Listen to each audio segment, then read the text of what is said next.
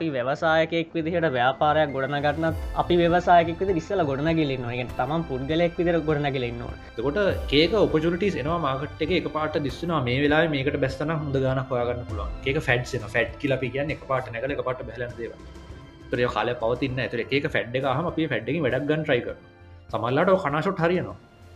ඒක ප්‍රශ්නයන්න නමුත් ගොඩක් කියලාට වෙන්න ෆෙල් වෙන එක. චාන්සක දැකපු ගබන් ග්‍රැප් කලාට හොඳට බලන්න සමහරලාට මාස දෙකතුනක් ගිල්ලා වෙන කෙනෙ වාට වඩා ඉස්සහට යන වේගින් වාට වඩා වැඩි ප්‍රයිස් එකක් ඔෆ කරගෙන. හේතුව පටන්ගත්ත කලින්. මිනිස්සුන්ට ඒක අවශ්‍ය නැති වෙලාවේ.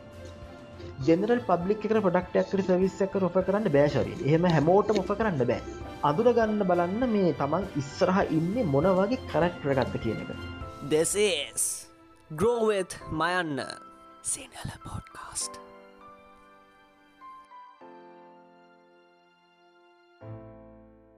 හෙනම් ක්ලම්හවස් එකේ දැන් අපිත් එක්ක ලයිව් එකතු වෙලා ඉන්න ඔයාලා හැමෝම වගේම පසුවේ මේක රෙකෝඩින් එක YouTube සහ පෝඩ්කාස් ප්ලට්ෆෝර්ම් වල ආගෙන ඉන්න හැමෝටම අයිබෝන් කියලා ප්‍රාර්ථනා කරනවා. හෙනම් අද අපි අදත් ඔයා එකතු වෙලා ඉන්න ග්‍රෝවිත් මයන්න ලයිව් පෝඩ්කාස්ට එකත් එක් ඉතින් සුපුරුදු පරිදි ඊලනින් ඩොටල්ක අයතනත් එක් කලබරේෂනයක් විදිර කරන්න. ඉතින් ඒ වෙනුවෙන් සංජය මහත්මයත් එකතු වෙලා ඉන්න.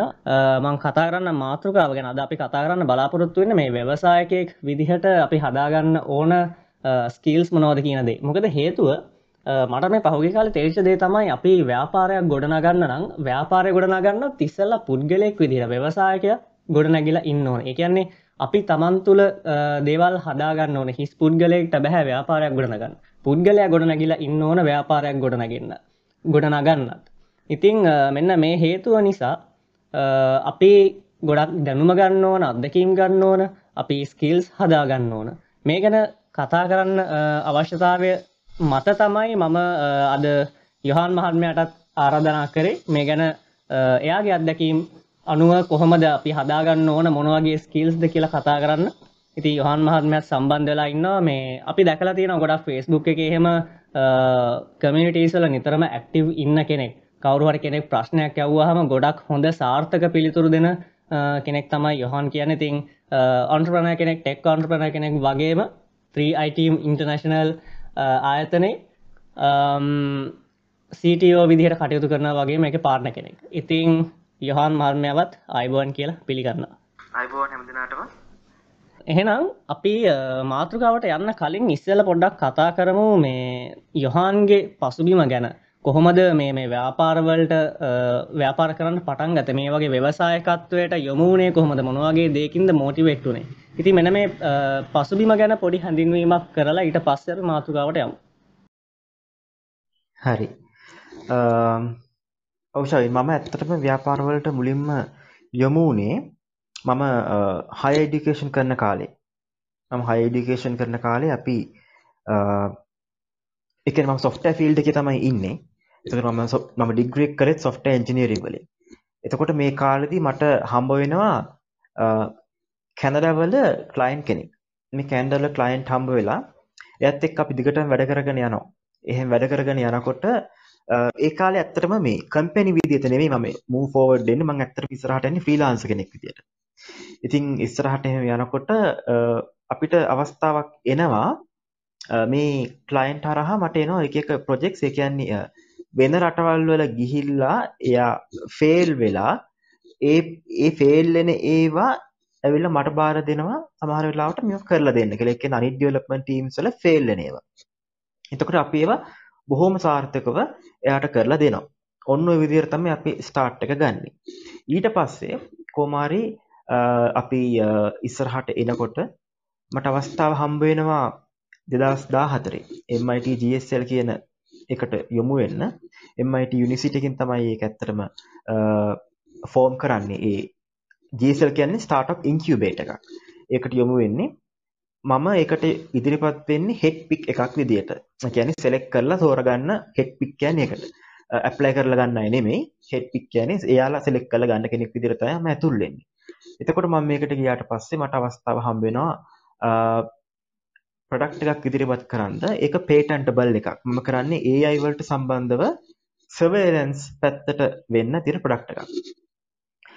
මේකට පස්සේ මට අ, විවිධාකාර අවස්ථාවල් වලට ඕපන් වෙනවා මාව. ලෝකෙ විවිධාකාර පැතිවලට. එතකොට අපි ගත්තොත් අ, අ, US වලට, කැනඩා වලට ඒ වගේ රට ලෝකෙ විවිධාකාර තැන්වලට වගේම විවිධාකාර ආයතන වලටත් අපි ඕපන් වෙනවා. අම්, එතකොට ඔය ඔය ගමනේ ඔය විදිහට යද්දි ඊට පස්සේ අපිට හම්බ වෙනවා අ, පිටරට පාර්ට්නර්ස්ලා අපිත් එක්ක වැඩ කරන්න කැමති. අපි යාලත් එක්ක අලුත් ප්‍රොඩක්ට්ස් කරන්න උත්සාහ කරනවා. සමහර ඒවා හරියනවා, සමහර ඒවා වරදිනවා. ඔන්න ඔය වගේ ඉදිරියට ඉදිරියට ඇවිල්ලා තමයි අද අපි 3ITM ඉන්ටර්නැෂනල් විදියට එස්ටැබ්ලිෂ් වෙලා ඉන්නේ. මේක රෝලර් කෝස්ටර් ගේම් එකක්. ඩවුන්ස් තියෙනවා, අප්ස් තියෙනවා. ඔය දෙකම තියෙනවා. ඉතින් ඔය ඔක්කොම පහු කරගෙන ඇවිල්ලා අද අපි 3ITM ඉන්ටර්නැෂනල් විදියට සාර්ථකව ගමනක් ඉස්සරහට යනවා. ඔය බොහොම කෙටි හැඳින්වීමක් මම කළේ. ද අපි අද ස්කීල්ස් ගැන කතා කරන්න එතකොට කෙනෙක් ව්‍යාපාරයක් ව්‍යවසායකයෙක් වෙන්න උත්සාහ කරන කෙනෙක් අපිට වැදගත් වෙන ප්‍රධානම ස්කිල්ල එකක් විදිහට ආරම්භේදී මොකක්ද වැදගත්වෙන මම හිතන්නේ ශවින් අපිට ව්‍යවසායකයෙක් විදිහට නෙමෙයි ඕනම කෙනෙක් විදිහට වැදගත් වෙන එක ප්‍රධානම ස්කිල් එකක් තමයි අපි ඕනම දෙයක් ෆේල් වෙවි එක දිගට කරගෙන යන්න පුළුවන් හැකියාව.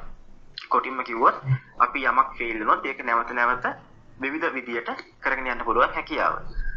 මම ඔක තව ටිකක් ඩිස්ක්‍රයිබ් කරලා කිව්වොත් එහෙම දැන් ඔයා දකින්න ඇති මේ කොවිඩ් මුල් කාලෙදී අපේ රටේ ව්‍යාපාර කීයක් නම් පටන් ගත්තද අලුත් අය සමහර අයට රස්සා නැති වෙච්ච හින්දා පටන් ගත්තා සමහරු අලුත් ඉන්කම් එකක් විදිහට පටන් ගත්තා දැන් අද ගිහිල්ලා පොඩ්ඩක් ඔයගොල්ලෝ පාර තොට්ටිය ඇදෙනකොට බලන්න ඒ ව්‍යාපාර වලින් කීයෙන් කීයක් ඉතුරු වෙලා තියෙනවද කියලා. දැන් ඒ ව්‍යාපාර නෙමෙයි තිබිච්ච ඒවත් නෑ දැන් බහුතරයක්. හරිද? එතකොට දැන් අ, මම දන්න අයත් එහෙම ඉන්නවා ඒ වගේ ව්‍යාපාර කරපු අය.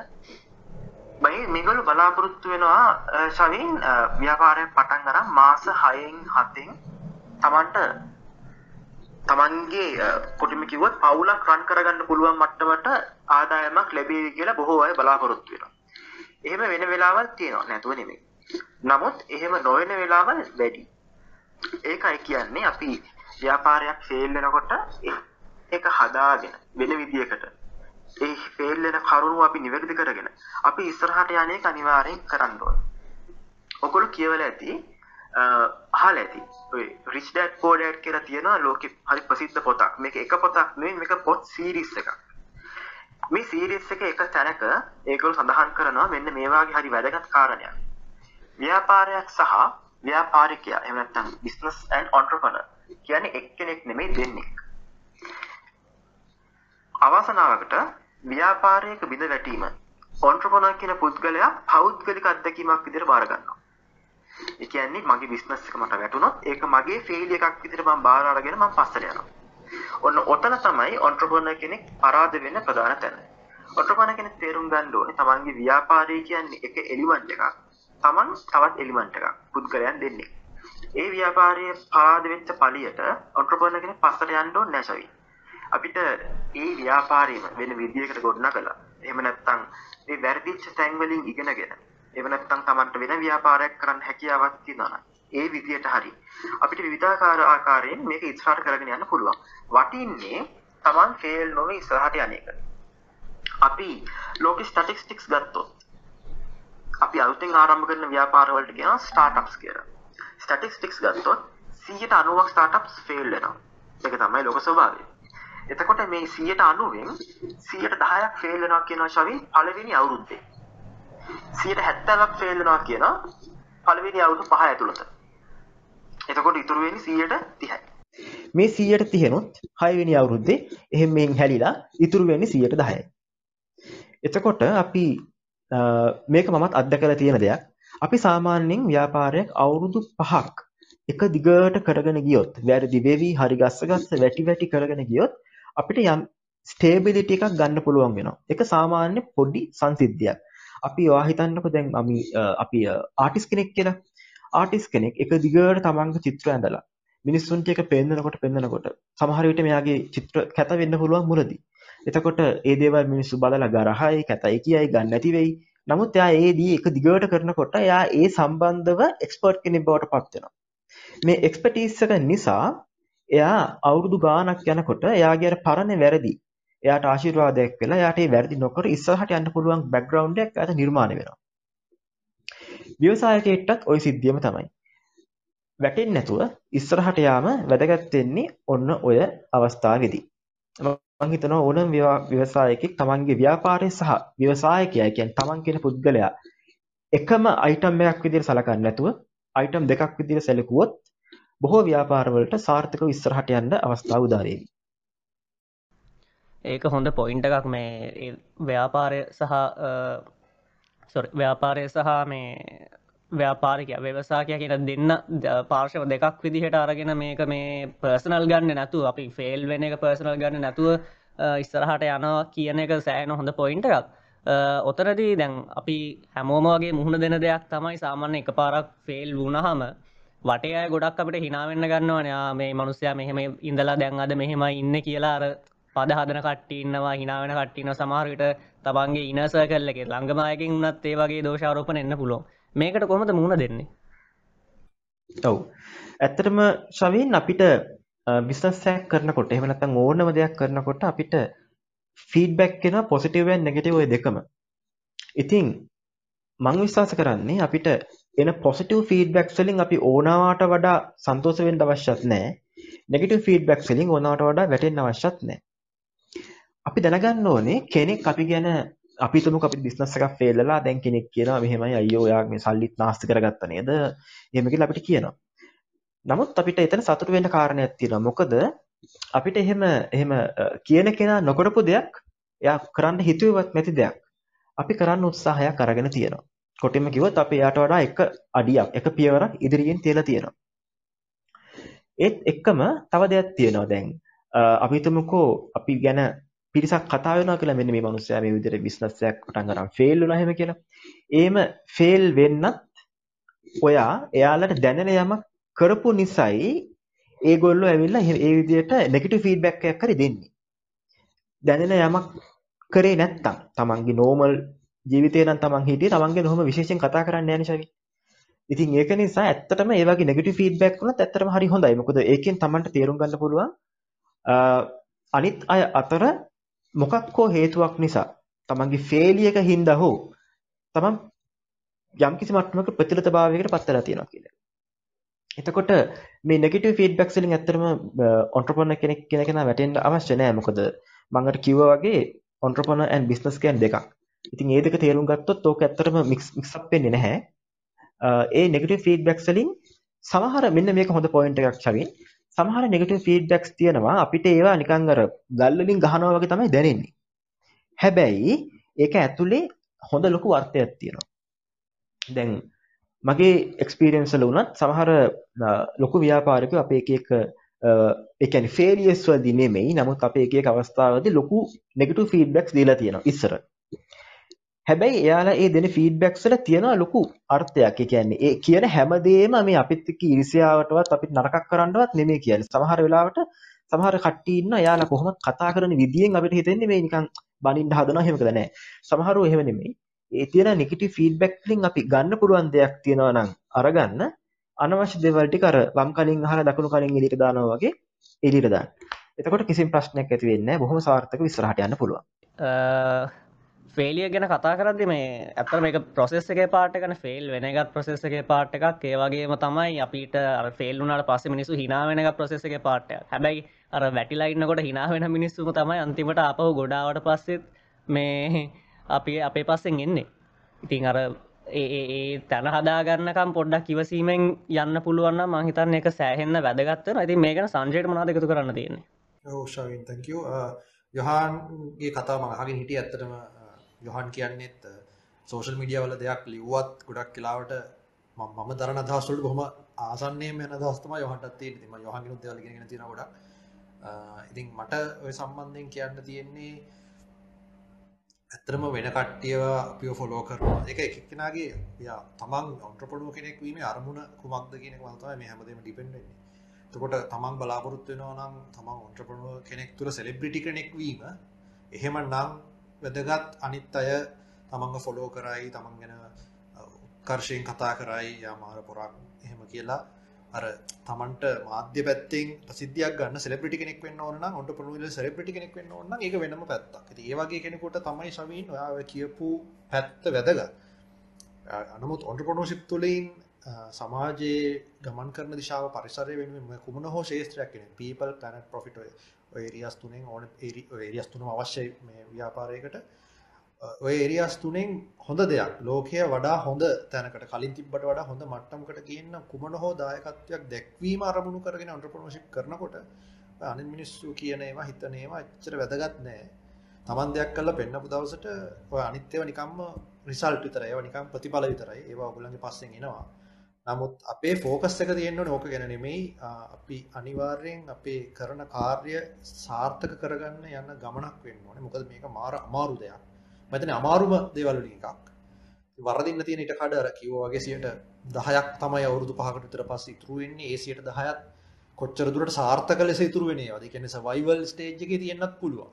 ඉතුරු වෙනවා කියන්නේ සර්වයිවල් නේ. සර්වයිවල් එකේ ඉන්නත් පුළුවන්. growth grow continuous growth එක අරන් යන්නේ කොහොමද වගේ ගොඩාක් ගැඹුරු සහ අමාරු කාරණා අපි සැලකිල්ලට ලක් කරන්න ඕනේ. ඉතින් ඒක ඉතාම අමාරු වැඩක්. ඒකට full attention එක දෙන්න ඕනේ. අනික ඒවා මම හිතන්නේ එච්චර එච්චරම වැදගත් කියලා තමන්ගේ ගෝල් එක අරක නම් නමුත් අර මම කිව්වා වගේ අර සෙලිබ්‍රිටි පැත්තට යන කෙනෙක් නම් ඉතින් අර ඒ පැත්තෙන් දැන් හිතමුකෝ මාධ්‍යකරණයේ ඉන්න ව්‍යවසායකයෙක් කියලා අනිවාර්යෙන් ඒක අවශ්‍යයි. ඉතින් ඒ වගේ අදහසක් තමයි මට දෙන්න තියෙන්නේ නැත් සාමාන්‍යයෙන් තමන් කරන වැඩේ ફોකස් කරලා ඒක විතරක් හරියට කරන්න ඩිස්ට්‍රැක්ෂන්ස් වලට යන්නේ නැතුව අනිත් දේවල් සයිට් හසල් කියන්නේ පැත්තෙන් තියාගන්න.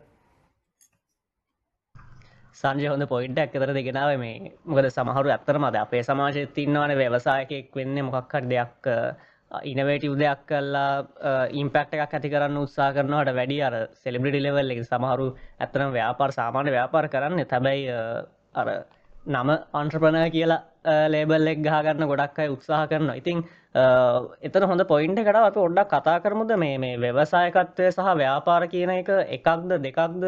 කොහොමද මේ දෙකේ වෙනස මොනවගේද කියලා? ඔව්. ඇත්තටම අර සංජය්ගේ පොයින්ට් එක හරිම වැලිඩ් මම ඒකට ඇප්‍රීසියේට් කරනවා මේ සංජය. මොකද මේ අර ඒ කිව්ව දේ හරිම හරි. දැන් ශාවින් ව්‍යවසායකත්වය සහ ව්‍යාපාර එකක්ද දෙකක්ද? ඒක තමයි ඔයාගේ ප්‍රශ්නේ නේ? ඔව් ඔව්. ඔව්.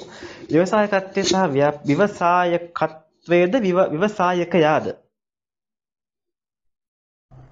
අපි එහෙමනම් ව්‍යාපාර සහ ව්‍යවසායකත්වය කියලා දෙක ගමුකෝ. හරි ඔව්. ඩිස්ක්‍රිප්ෂන් එක ගත්තොත් චවින් ওই දෙක දෙකක්.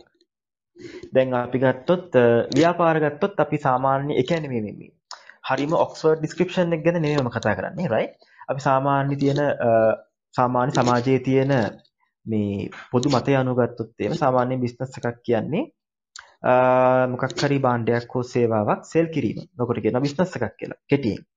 අපි ව්‍යවසායකත්වය ගැන කතා කරොත් එහෙම අපි කතා කරනවා නව උත්පාදනය.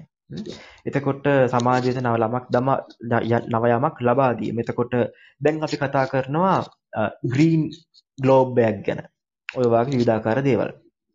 නමුත් ඔය දෙගොල්ලම අන්තිමට එකතු වෙනවා එක තැනකට.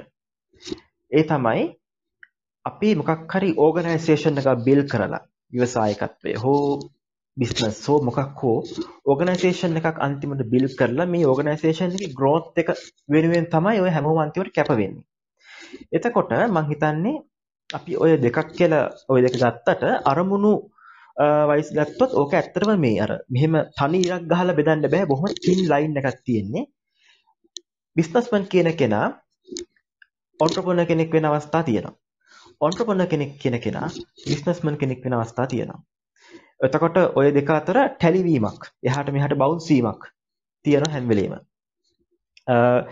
සවිනේ ප්‍රශ්නය අහනකොට මට මතක් වුණේ සමහර මම දැකලා තියෙනවා Facebook එකේ එහෙම ඔය ඔන්ට්‍රප්‍රනර් කවුද? ෆ්‍රීලාන්සර් කවුද? බිස්නස්මන් කවුද? කියලා ලොකු ඩිස්කෂන්ස් කරනවා. සමහරු ඒක නිකන් අර හොඳටම මේ ට්‍රිගර් වෙලා නිකන් ලොකුවට කමෙන්ට් කරනවා right? එතකොට මේ තුන්දෙනාම අන්තිමට කරන්නේ එකම දෙයක්. මොකක් හරි භාණ්ඩයක් හෝ සේවාවක් සෙල් කිරීම. එතකොට අපි ඔෆිෂල් ඩිස්ක්‍රිප්ෂන් uh, කෙසේ වෙතත් අපි රියල් වර්ල්ඩ් එකට ආවොත් සැබෑ ලෝකයට ආවොත් ශවෙන් ඔය තුනේම වෙන දේ සාපේක්ෂව සමානයි. ඒ වගේම ඔය ඒ ඒ රෝල්ස් ප්ලේ කරන අය ඒ කියන තැන් වලින් එහාට මෙහාට shift වෙනවා අනිවාර්යයෙන්ම. සංජයට තියෙනවා දෙය ගැන එකතු කරන්න දෙයක්.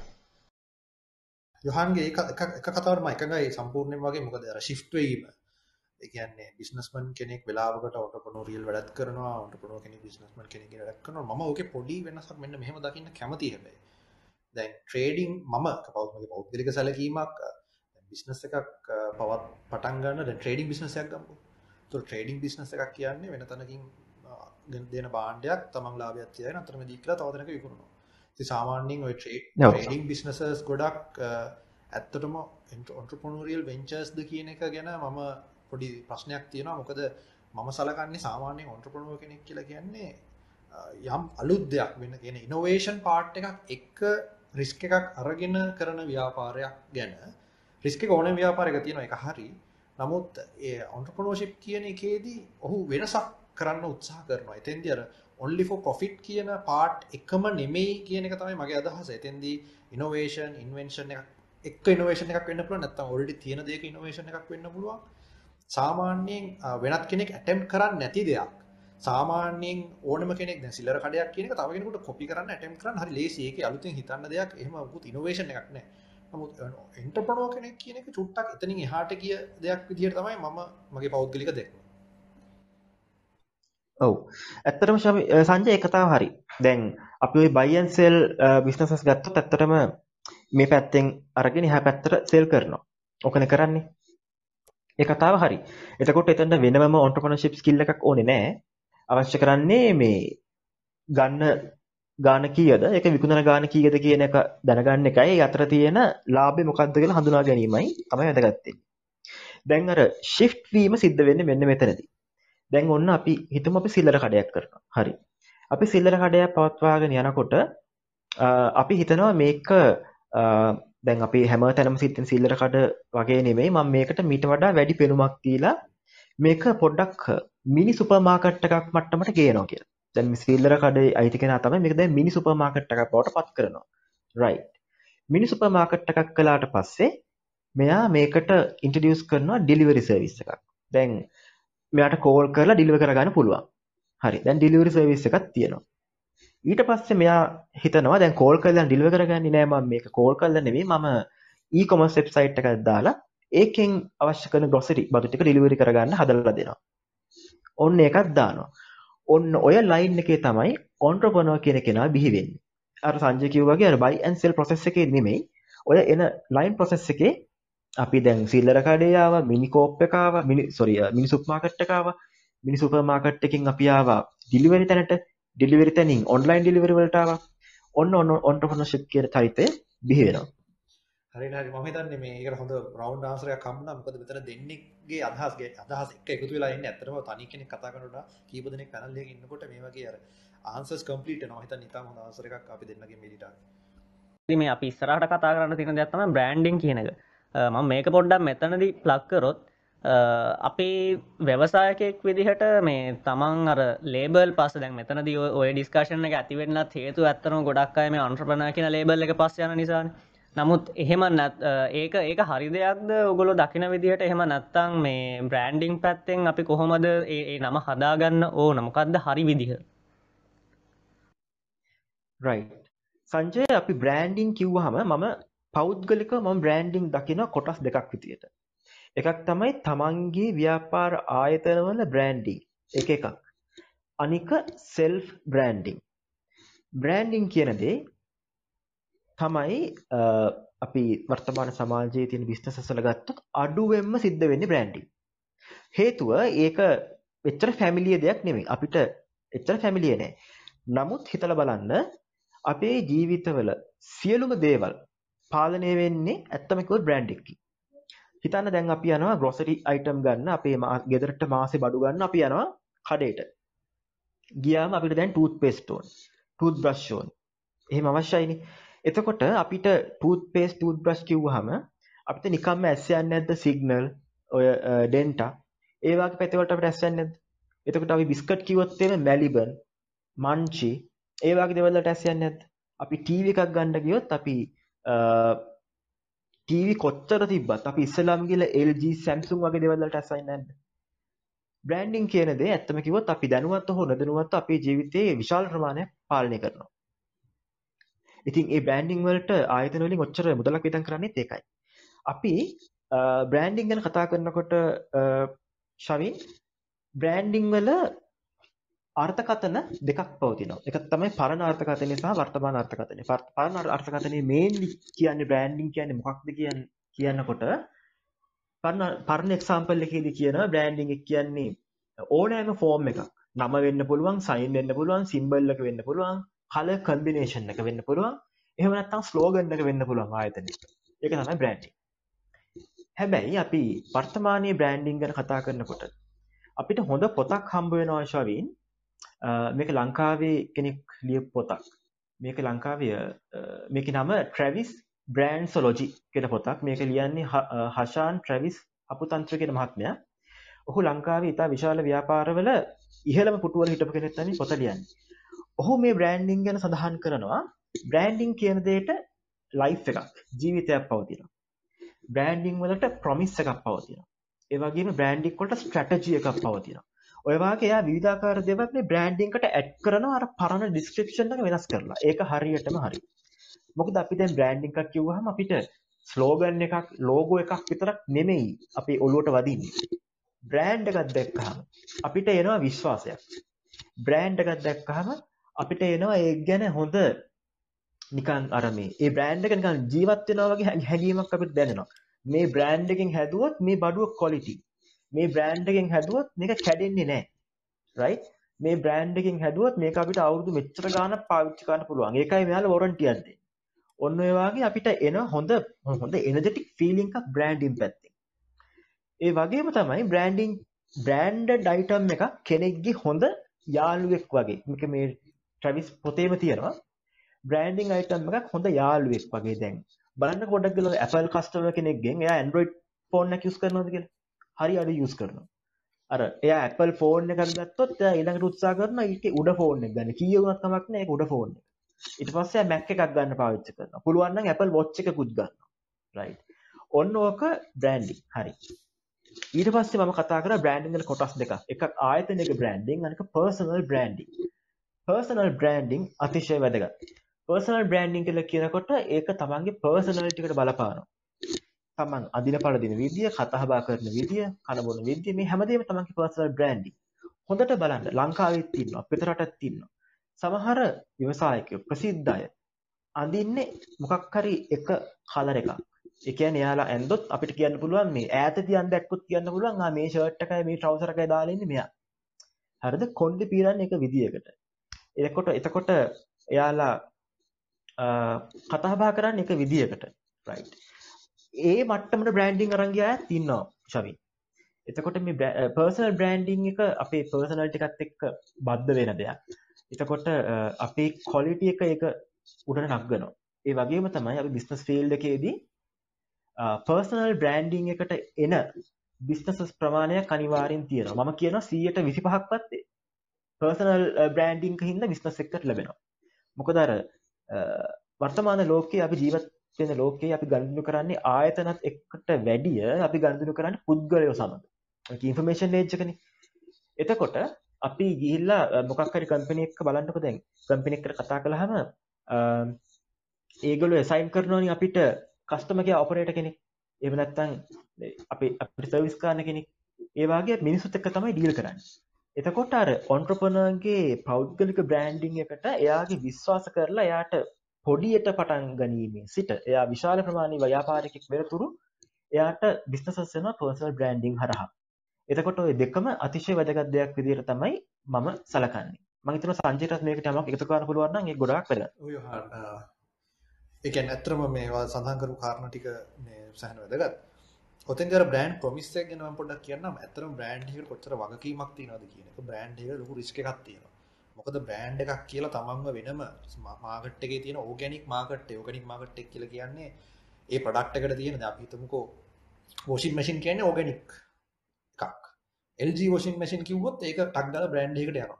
ඒ වගේ අර ඕනෑම ශේෂ්ත්‍රයක තියෙන මේ මොකක් හරි ඒ කැටගරි එක ඕගැනික් එතනින් ස්පෙෂලයිස් වෙන්න ගත්තහම අපි නමක් කර නමක් පාවිච්චි කරලා අන්බ්‍රෑන්ඩඩ් නැතුව මොකක් ඩ්‍රොප් ෂිපින් කරනවා නම් මේක දන්නවා අන්බ්‍රෑන්ඩඩ් තුර අන්බ්‍රන්ඩ් නැතුව තමන්ගේ නමක් පාවිච්චි කල්ලා යම් කිසි බ්‍රන්ඩ් අයිටම් එකක් ගත්ත බ්‍රන්ඩ් අයිටම කරාට පස තමන්ගේ ප්‍රඩක්් හරි සවිස් එක එතැදි බ්‍රන්් ප්‍රමිස් කියන එක නිකම්ම කස්ටම බලාපොරොත්තු වෙනවා. එහෙම බ්‍රන්ඩ් එකක් කල්ලා අපිට හරියට ප්‍රඩක්්ගේ කොලිටිකවත් සවිස් මේ කොලිටිකවත් මේන්ටෙන් කරන්න බැරි වුණොත් ඒ බ්‍රන්් එක ප්‍රමිස් එක අපි කඩ කරන කස්ටමට මොකද අපි බ්‍රන්් ප්‍රමිස් එක කියලා නිකන් ප්‍රමිස් කියන මොකක්ද අපේ විෂන් එක විෂන් එක ප්‍රඩක්් එකේ තියෙන කල් පැවැත්ම ප්‍රඩක්ටකින් වෙන කාර්ය එක කොච්චරට කස්ටමට බිනිෆිටස් තියෙන්නේ මොනවද මේ හැම දෙයක්ම බ්‍රන්් ප්‍රමිස් එකත් එක් යන අපි කිව්වොත් එහෙම මොකක් හරි ඩිවයිස් එකකින් හරි මොකක් හරි හිතමු රෙදි සෝන ගුඩකින් අප පෙන්න්නනවා අපේ කමනි ඇමාකටින් කමිකේෂන් වල මේක මේක දැන් දාලා දෙනවා විනාඩි 10න් කුරුටි අයින් වෙනවා කියලා. එහෙම අපි කියනවා. ඒක තමයි බ්‍රෑන්ඩ් ප්‍රොමිස් එක. දැන් ඒක උනේ නැත්තම් මොකද? එතකොට ඒ වගේ ලොකු රිස්ක් එකක් තියෙනවා බ්‍රෑන්ඩ් එකක් එක්ක මාකටිං කරද්දී ප්‍රොඩක්ට් එක පැත්තෙන් ඒක ඩිලිවර් වෙන්න ඕනේ. පර්ෆෝමන්ස් එක ඩිලිවර් වෙන්න. ඉතින් එතෙන්දි තමයි ඇත්තටම ඔය බ්‍රෑන්ඩඩ් ප්‍රොඩක්ට්ස් වල ප්‍රයිස් ඉන්ක්‍රීස් එකකුත් තියෙනවානේ නෝමල් අන්බ්‍රෑන්ඩඩ් ප්‍රොඩක්ට් එකට වැඩි. ඒ මොකද ඒ ප්‍රොමිස් එක ඒගොල්ලෝ රකින්න.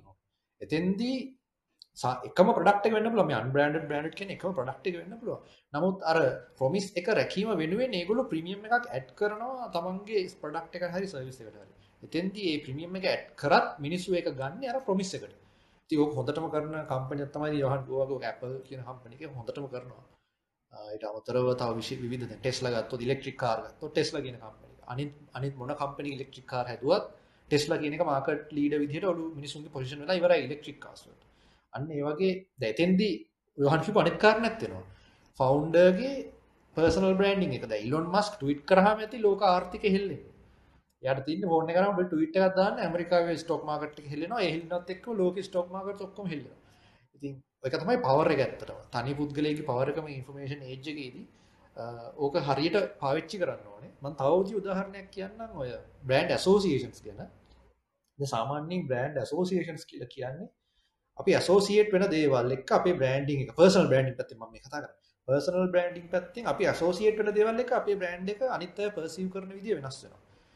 කොටින්ම මම ආශ්‍රය කරන මගේ ඉන ඉමීඩියට් සර්කල් එක කවුද කියන එක සමාජයට විසිබල් නම් මම එතන රටේ නමගේ අපරාධකාරයෙක් ආශ්‍රය කරනවා නම් මගේ පර්සනල් බ්‍රෑන්ඩින් එක ලොකු කරලා. ඉතින් ඔය පර්සනල් බ්‍රෑන්ඩින් මැනේජ්මන්ට් පැත්තෙන් ලංකාවේ ඔක හොඳටම කරනවා මම දකින්න දේශපාලන. ඒගොල්ලෝ අවශ්‍ය වෙලාවට ආගම ජාතිය ගන්නවා ඉස්සරහට. තව අවශ්‍ය වෙලාවට වෙන මොකක් හරි රටේ ඒ වෙලාවේ තියෙන වෙන ඉෂුව එකක් ගන්නවා ඉස්සරහට. එහෙම නැත්නම් පිටරටින් එන බලපෑමක් ගැන කතා කරනවා. මොකක් හරි අර තමන්ගේ බ්‍රෑන්ඩ් එකයි ඇසෝසියේෂන් ඒ ඔක්කොම එක විදි අනිත් එක දැන් යොහන් කෝ ඇඳුම් පැළඳුම ගැන දේශපාලඥයෝ කරනවා. ඇඳුම් පැළඳුම පවා තමන්ගේ වෝටර් බේස් එකට ගැලපෙන විදිහට ඒගොල්ලෝ හරි ලස්සනට මේන්ටේන් කරනවා. ඉතින් මම හිතන්නේ ඒක වෙනම ලෙසන් එකක් අපි අයිඩෙන්ටිෆයි කරන්න ඕනේ. ඒගොල්ලෝ දැනුවත්ව නොදැනුවත්ව ඒක හොඳට කරනවා. ඉතින් ඒක තමයි මට මෙතන කියන්න වෙච්ච ඕනේ වෙච්ච පොයින්ට් එක. හරි. අපි එහෙනම් යහන් ඊළඟ කාරණයට යම්. මොකද්ද අපි? එතකොට දැන් අපි දැන්ට දෙකක් ගැන කතා කරා. ෆේල් වෙන එක ගැන කතා කරා. ඒ කියන්නේ අපි ෆේල් වුණත් එතනින් නොනැවති ඉදිරියට යාමේ හැකියාව පර්සවියරන්ස් කියන එක අපිට තියෙන්න ඕන දෙයක්. ඒත් එක්කම අපි දෙවනිට දැම් මේ කතා කරගෙනාවේ බ්‍රෑන්ඩිං ගැන ව්‍යවසාකේට්ට කොහොමද බ්‍රෑන්ඩිං වැදගත් වෙන්නේ එක කොහොමද හදාගන්න කියනෙක් ගැන. ඉතින් තුන්වැනි කාරණය මොකක්ද ඔව්. අපි ශවයෙන් කතා කරමු. අපි කොහොමද ප්‍රඩක්් එකකට නිවැරදිව මිලක් නියම කරන්න? හරි ප්‍රයිසිං ස්ට්‍රටජ එකක් හදාගන්න කොහොමද කියලා. හරිද? හරි. දැන් අපි කොහොමද බලමු? දැන් සාමාන්‍යයෙන් බාණ්ඩයක් විකුණනවා නම් මොකක් කර ප්‍රොඩක්ට් එකක් සෙල් කරනවා නම් සාමාන්‍යයෙන් බලන්න ප්‍රොඩක්ට් මැනුෆැක්චර් කරන කට්ටියගේ මො ලොකුවට කරන කට්ටියගේ නෙමෙයි පොඩියට කරන කට්ටියගේ ස්ට්‍රැටජි එක මොන වගේද කියලා. එයාලා බලනවා එයාට මේ බාණ්ඩේ හදන්න, ඒ ප්‍රොඩක්ට් එක හදන්න කීයක් වියදම් වුණාද? පුටුවක්ම කියමුකෝ. කීයක් වියදම් වුණාද? එතකොට මේ පුටුවට ලී වලට කීයක් ගියාද? එතකොට අපි ඒ තව අඩු භාෂ දාලා කරනවා නම් එයාලට කීයක් විතර වේදන් වුණාද ඔය හැමදේම එකතු කරලා බලනවා හරි එකතු කරලා බලලා ඒකට ඇඩ් කරනවා එයා එයා එයා හිතා ගන්නවා හරි මේක හරි මෙච්චර තමයි මට මගේ වියදම රුපියල් 2000යි රුපියල් 2000යි නම් මම මේකට දානවා 100ට 10ක ලාභයක් රුපියල් 2000 100ට 10ක් දැම්මම 2200යි රයිට් මේක තමයි මගේ ප්‍රයිස් එක ඔහොම තමයි බහුතරයක් කුඩා ව්‍යාපාර බ්‍රෑන්ඩ් කරන්නේ. සෝරි මේ ප්‍රයිසිං කරන්නේ. හරිද? ඔතනදී ඇත්තටම ප්‍රයිසිං ස්ට්‍රැටජි එක වෙන්න ඕනේ මං හිතන්නේ වෙන විදියකට. මේක ඇත්තටම මේ මගේ මුල් කාලේ මට ලංකාවේ ප්‍රසිද්ධ වෙන ව්‍යාපාරිකය දුන්න ලෙසන් එකක් මං ඒක ඒ විදියට මෙතන කියනවා මං හිතන්නේ ලෙසන් එක ගොඩක් වැදගත්තේ මොකද ඔහු ලංකාවේ හෝටල් කාසේල්ස් බීලා ගොඩාක් තියෙන කෙනෙක් කොහොමද පෞද්ගලිකව දීපු ලෙසන් එකක් තමයි මේ කියන්නේ අපි ප්‍රයිස් එකක් අපි ප්‍රොඩක්ට් එකක් ප්‍රයිස් කරනකොට අපි අර කියපු දේවල් ඔක්කොම බලන්න ඕනේ. ඒ කියන්නේ අපිට ගිය වියදම කීයක්ද මේ ප්‍රොඩක්ට් එක හදන්න එකක් බලන්න ඕනේ. හරි. නමුත් ශවීන් ඊට පස්සේ අපි බලන්න ඕනේ මේ ප්‍රොඩක්ට් එක මාකට් එකේ කීයකට ගන්න සූදානම්ද කියන එක කාරණේ. අපි හිතමුකෝ මම අර කලින් කිව්ව සබ්ජෙක්ට් එක ගත්තොත් 2200යි කියලා ඒ මේ රුපියල් 2000යි කියලා ඒ පුටුවට යන වියදම. නමුත් මේ පුටුව මාකට් එකේ පිරිසක් ගන්න ලෑස්ති නම් රුපියල් 5000කට අපි මේක 2200කට දෙන්නේ ඇයි? හරි. එතකොට අපිට මේක 5000ක් කරලා මාකට් එකට දාන්න පුළුවන්. ඒ ගැන අපි හොඳට හිතන්න ඕනේ. හැබැයි ඒක අපිට එක පාට ගිහිල්ලා ඒක 5000යි කියලා එළියට දාන්න බෑ. මොකද ඒකේ එතකොට 5000ට දෙනවා නම් ඒකේ සමහර විට අපිට ඒකේ පේන්ට් එකේ ක්වොලිටි එක. එතකොට ඒක ඔයා ඒ ඔයාගේ මාකට් එකට අරන් යන විදිය. මොන කට්ටියවද ඔයා තෝරගන්නේ? ඒක ප්‍රොඩක්ට් එක විකුණන්න. අන්න ඒ වාගේ කාරණයක් දෙන්න පුළුවන්.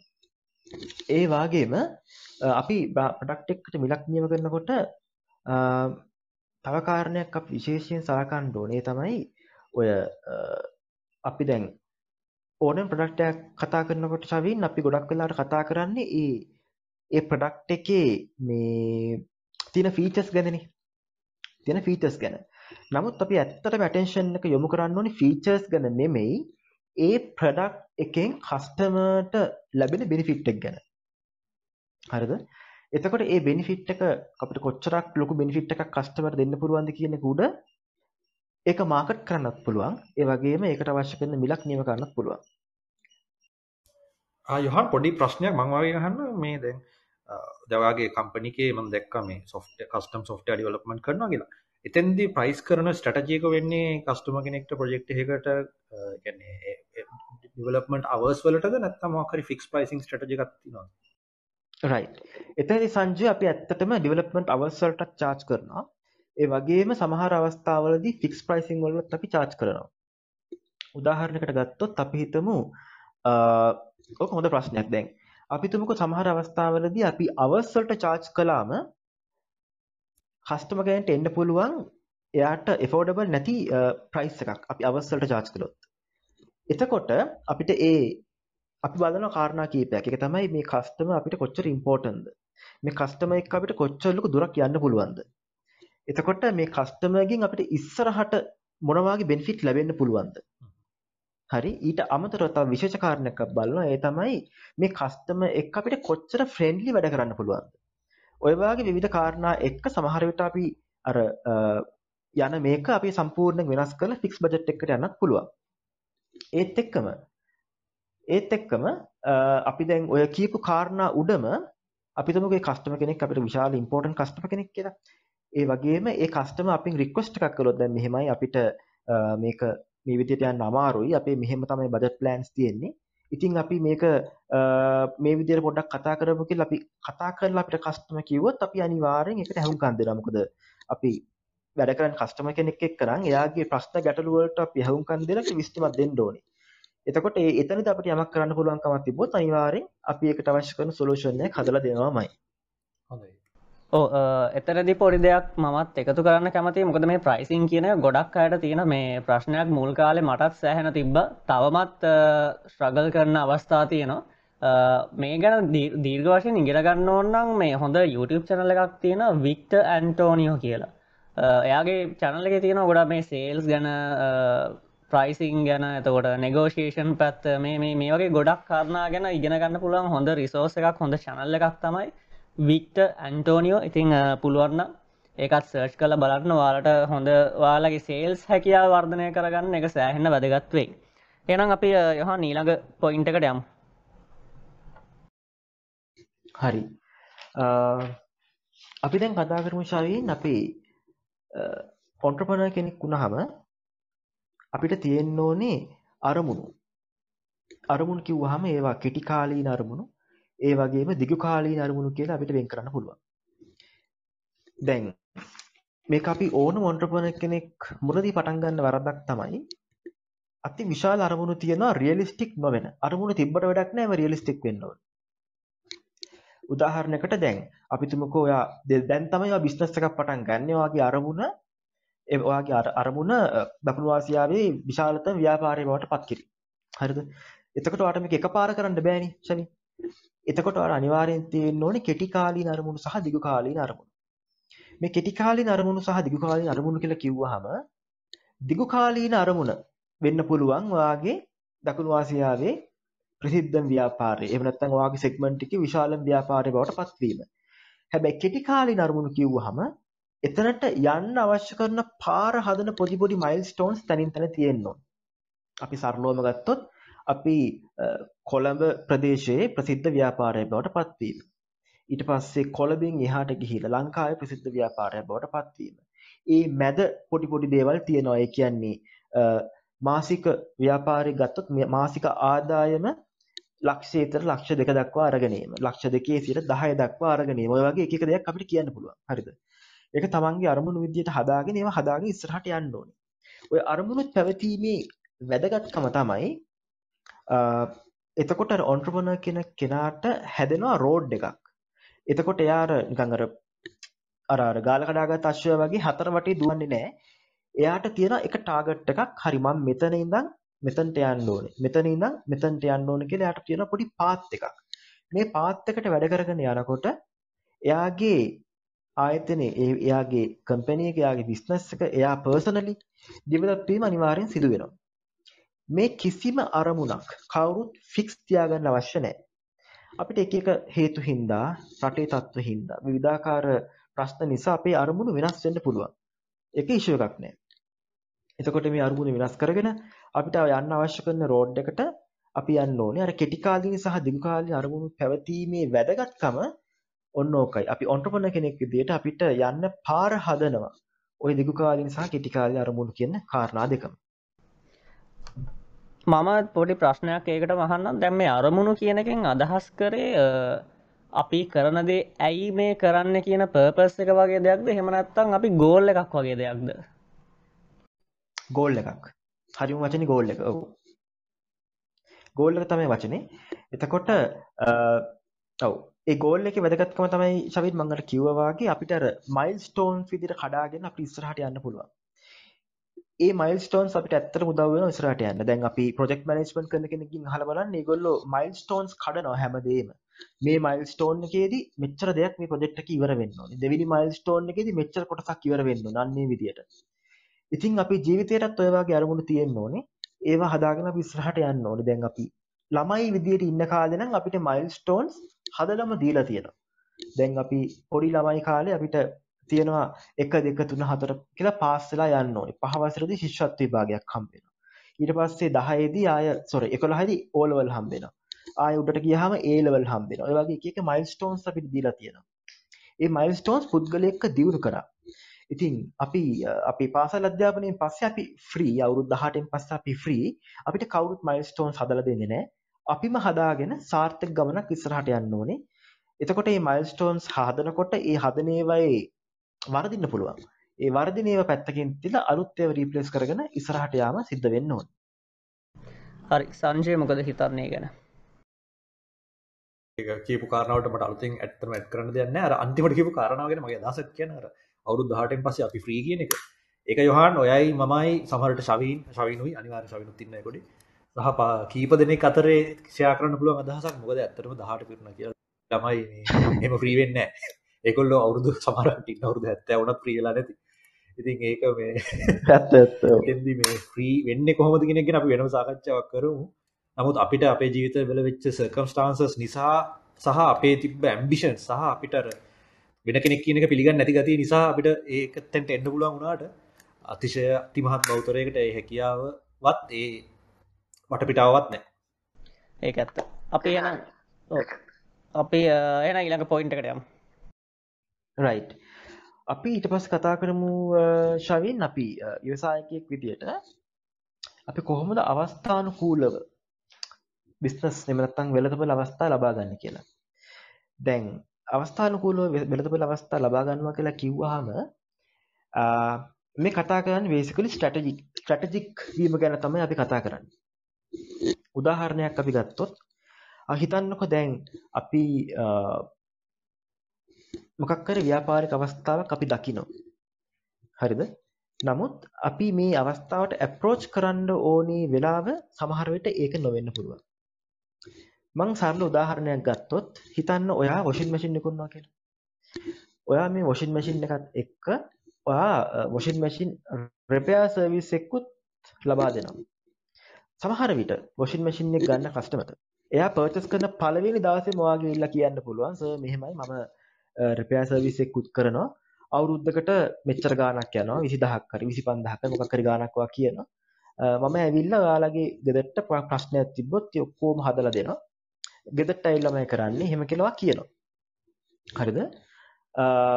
එතකොට සමහර විට කස්ටමර් ඒක on the spot ඔයාව එපා කියන්න පුළුවන්. මොකද එයා වොෂින් මැෂින් එක අලුත් එයාට. එයාට ප්‍රශ්නයක් නැහැ. හැබැයි අවුරුද්දකට පස්සේ එහෙම නැත්නම් අවුරුදු දෙකකට පස්සේ ওই කස්ටමර්ටම කතා කළොත් සමහර විට ඔයාගේ ඔෆර් එක කලින්ට වඩා ඇප්‍රිසියේෂන් එකක් එක්ක එයා බාර ගන්න ඉඩ තියෙනවා. එතන තමයි අපි ස්ට්‍රැටජික් වෙන්න ඕනේ. අපිට ව්‍යාපාරික අවස්ථා පෙනුනට අපි හැම වෙලේම මේක මේ අවස්ථාවට ඉදිරිපත් වෙලා ලබා ගැනීම වෙනුවට අපි කරන්න ඕනේ. ඇත්තට මේක පොඩ්ඩක් ස්ට්‍රැටජික් වෙලා ඒ දේවල් ලබා ගැනීමේ හැකියාව අපිට තියෙන්න ඕනේ. අපි හිතන්න ඕනේ මේක දැන් මේ අවස්ථාවේ මේ මේ ව්‍යාපාරික අවස්ථාව ලබා ගැනීමට සුදුසුද? අපි මේ කස්ටමර්ට මේ අවස්ථාවේ මේක කතා කරන එක සුදුසුද? එහෙම නැත්නම් මේක ඉදිරියේදී අපි කතා කරොත් අපිට දැන් තියනවාට වඩා ප්‍රොෆිට් එකක් අපිට ගන්න පුළුවන්ද? ඔය වගේ එක එක කාරණා ඔයාගේ ඔළුවේ දුවන්න ඕනේ ඔන්ටර්ප්‍රනර් කෙනෙක් විදියට බිස්නස් ඔපචුනිටි එකක් දැක්ක ගමන්. ඒක ඊටාම වැදගත්. මොකද සමහර අවස්ථා තියෙනවා අපි chance එක දැකපු ගමන් grab කළාට හොඳට බලන්න සමහර ලාවට මාස දෙක තුනක් ගිහිල්ලා වෙන කෙනෙක් ඔයාට වඩා ඉස්සරහට යනවා වේගින් ඔයාට වඩා වැඩි ප්‍රයිස් එකක් ඔෆර් කරගෙන. හේතුව ඔයා පටන් ගත්තේ කලින් මිනිස්සුන්ට ඒක අවශ්‍ය නැති වෙලාවේ. නමුත් මිනිස්සුන්ට අවශ්‍ය වෙලාවේ පටන් ගත්ත කෙනා ඉස්සරහට යනවා. ඔයාට මොකක් කර හේතුවක් නිසා ඔයා පස්සට යනවා. ඔන්න ඔය කාරණේ තමයි එතනදී මතු කරන්න ඕන. ඒ කියන්නේ අපි හරි වෙලාව හඳුනගෙන අපිට වෙලාව හඳුනගන්න නිවැරදි අවස්ථාව හඳුනගන්න. ඒකට හැකියාව තියන්නත් ඕනේ. ඒ වගේ මේ අවස්ථාවට ගැලපෙන ඩිසිෂන් එක ගන්න ටයිම්ලි ඩිසිෂන්ස් ගන්න හැකියාවක් තියෙන්න ඕන කියන එකනේ අනිවාර්යෙන් ඔව්. ඔව් සමහරවිට ශවින් ඕකේ තව පැත්තක් තියෙනවා. අපේ කන්ට්‍රෝල් එකේ නැති වෙලාවල් එනවා. මාකට් ඩිමාන්ඩ්ස් හැදෙනවා මාකට් කන්ඩිෂන්ස් හැදෙනවා තින් අපි දවක මට මටමගේ හොඳ පෞද්ලික අදක මත්තින ඊලනින් කියන එක ම මුලින්ම ට්‍රයි කරන්න ලංකා දස් එකොල්හ දස් දොලාහකාරීම ලයි වෙබිනාස් කියන කන්සෙප් එක පබ්ලික් වෙබිනාස් කියන කන්සෙප් එක.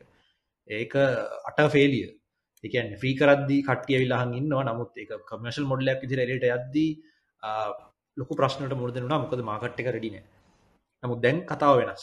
ඒ වගේ තමයි අර ටයිමිං එක සමහර අවස්ථා තියෙන අපිට කොන්ට්‍රෝ කරන්න බැරි. ඒ පැත්තත් බලන්න ඕනේ. මොකද විශේෂයෙන් වගේ මාකට කන්ඩිෂන එක? කල්චර එක පැත්තෙන් කොච්චර දුරට තමන් මේ ඉන්ටඩියස් ද අපේ ලංකාවේ ගෙනහල ඩිල්ඩෝස් සෙල් කරන්න බෑනි තාම. ඒවගේ අර ටයිමිංයක් එනවා. ඒ ටයිමිං එකත් සමහර ටයිමිං තියෙනවා අපිට ඩිරෙක් කන්ට්‍රෝල් එකන්න මම ඒත් එක්ක පොඩි දෙයක් මේ එකතු කරන්න මම කැමති. ඒ ගැන වෙදන්නගේ අදහස් දැනගන්න. මොකද මේ මම දැන්ටිය කාලෙකට කලින් පොඩි ඩිස්කශන් එකක් ගියා මම වැඩ කරන අතන ප්‍රධානය පොල් දිසානායගත් එක්ක ඒ ඩිස්කශන් එකේදී මම සෑහන වැදගත් දෙයක් ඉගෙන ගත්තා. මම කැමති ඒ ගැන අදහසත් දැනගන්න. එතනදී අපි කතා කරපු දේ තමයි දැන් හොඳ මුදහන්න මේ පහුගේ කාල වසංගතයක් උදවුණාන තම වසංගතයත් එක්ක විවිධ ඔපචනටස් පහල වුණකට තිබ්බ ඔපචනටස් නැති වුණා වගේ අලුත් ඔපචනටසුත් උදා වුණ.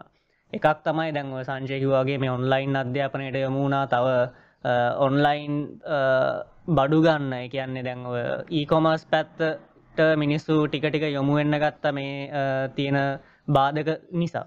එතකොට අපි දැකපු දෙයක් තමයි ඒ ඒ ඔපෝෂනට එක හඳුනගෙන ගොඩක් අය මේකට යොමු නය කියන අලුතෙන් ඊකොමර්ස් වෙබ්සයිට් හදන්න ගත්තා. විශේෂම දෙයක්ත්තම අපි දැකපු මේ අර ඔන්ලයින් පලටෆෝර්ම් සදන්න ගත්තා. ගොඩක් ශප්පෝනස් ලට ඇවිල්ලා අර මාකට පලේසස් වගේ. මාකට් පේසස් හදන්න පටන්ගත්ත මේ කිහිප දෙනෙක්ම හිටිය. හැබැයි දැන් වෙද්දී දැන් ඕකැවෙල්ල පටන්ගතෙත් දැන් ගිය අවුරුද්ධන දෙදස් විස්සන. තොට දැන් අද අවුරුද්ධ කරත් වැඩිය කාලයක් ගිහිල්ල හැබැයි අද වෙද්දී එච්චරම හොඳ තත්ත්වක ඉගෙන ඒක දීර්ඝාලයක් පැවතිගෙන ඇවිල්ල නැහැ. අර අවස්ථාවනකූලව දැක්කට මොකද? බෑන් වගන්ටකට බෑන් වගන්නකට පනිනවා. හැබැයි මේ පැන්නට මොක ඒක පවත්වාගෙන යාමේදී ප්‍රශ්නයක් ඇති වෙලා තියෙන දැන් අපි ඔතනති කතා කරපු දේ තමයි ඔකට ලොකුම හේතුව දකින දකින හැම අපචනටකින්ම අපිට අවස්ථාව උදා කරගන්නත් බැහැ එක අපේ ලෝන්ටර්ම් අපේ දීර්ඝකාලීන අරමුණුවලට අපි යන ගමන් මාර්ගයට සුදුසු වෙන්නත් ඕන කියනදේ මොකද දැන් අපි යම් කිසි මාර්ගයක යනවනං ඒකට ලයින් වෙන්න නැති විදිහකින් මොක්හරි ඔපචනට එකක් දැක්කහම සමහරට ඒක අපි ග්‍රෑප් කරගන්න ගියත් ඒකින් අපිට නියම වැලිවෙක් ගන්න බැරි වෙයි කියනදේ මේ අපිට පොඩ්ඩක් දකින්න ලැබුණති මේ ගැන මොකක්ද ඔගලන්ගේ අදහස? ඔව් ඒ කතාව ඇත්තටම හරි ශවින්. අපිට දකින සියලූම ඔපචන්ටේස් වලින් මම හිතන්නේ අපිට ඔපචන්ට එකක් ඕපන් කරගන්න බෑ දැන්. ඔය ටැක්සි ඇප් කතාවත් එහෙමනි. දැන් අපි පික්මියාව පික්මියාවත් එක්ක මංතන් නැප්ස් හතලිය පණහක් විතර එක පාට්ට ලෝඩ්ඩු නාමාකට්ටකටනේ ඒවනාට අදේවයින් කියෙන් කියත්තිමට එකක්වත් නෑ ඒවාගේ ඒ ඇත්ත.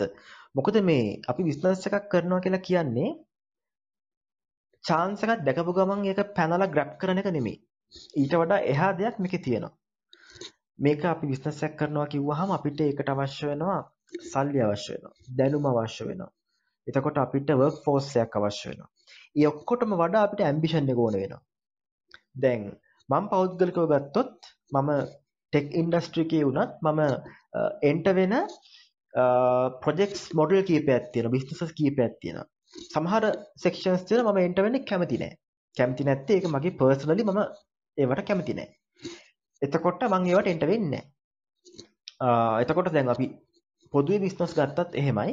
අර ඔපචුන්ට එකක් දැකපු ගමන් එක ග්‍රැප් කලා කියලා ඇත්තට වැඩක් වෙන්නේ නෑ. තමන්ට එක කරගෙන යන්න බැරි නම් තව දෙයක් ඔතන තියෙනවා.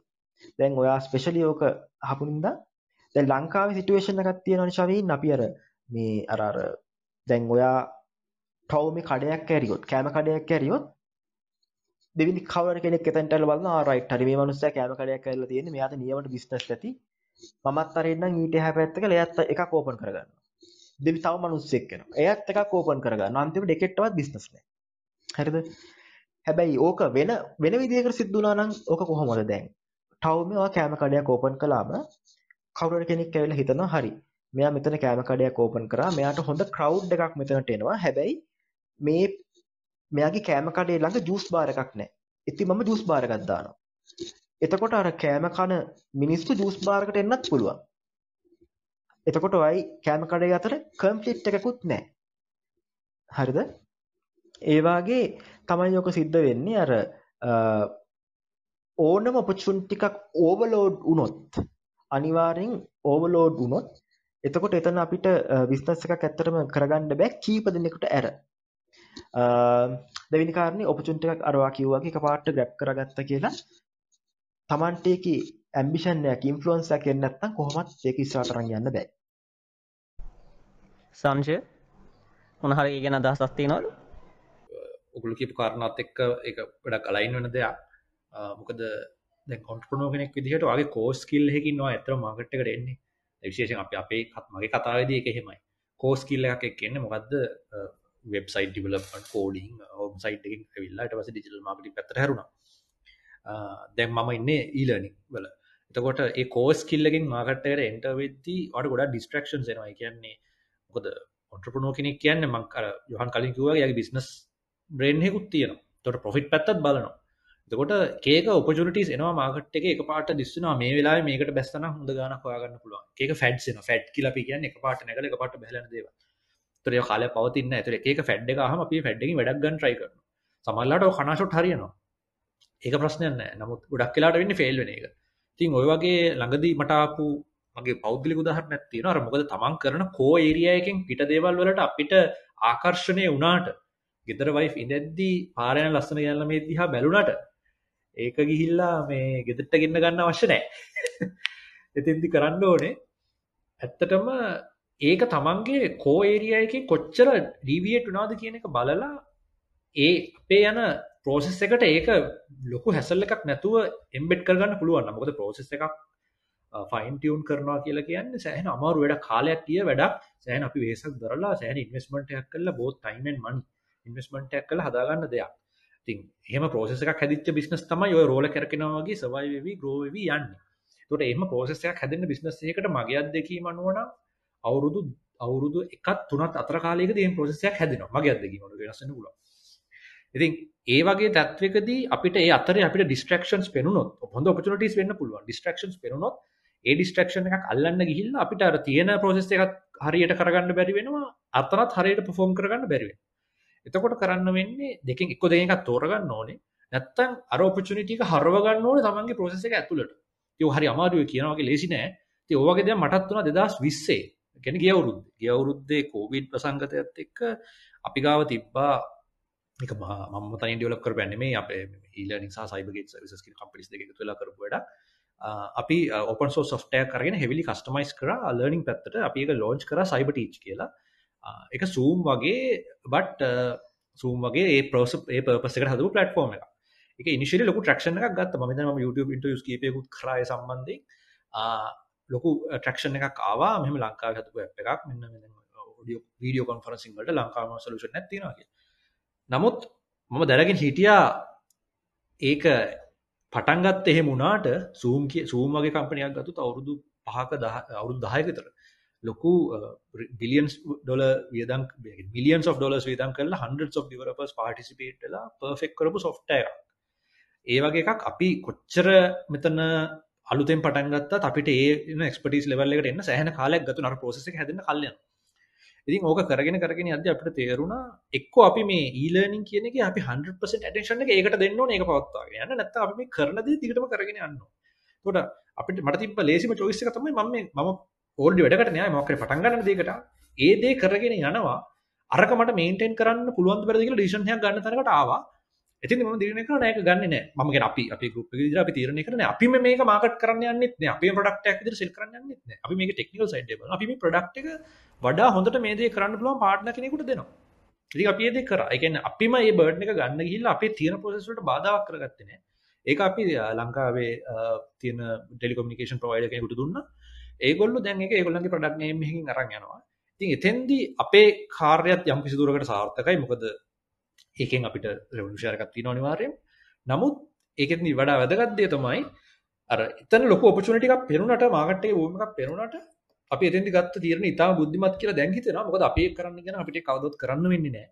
අපි දෙකම අනා ගන්නවා. ඉතින් එතෙන්දි අපි එකක් අතහැරලා එකකට ගියා.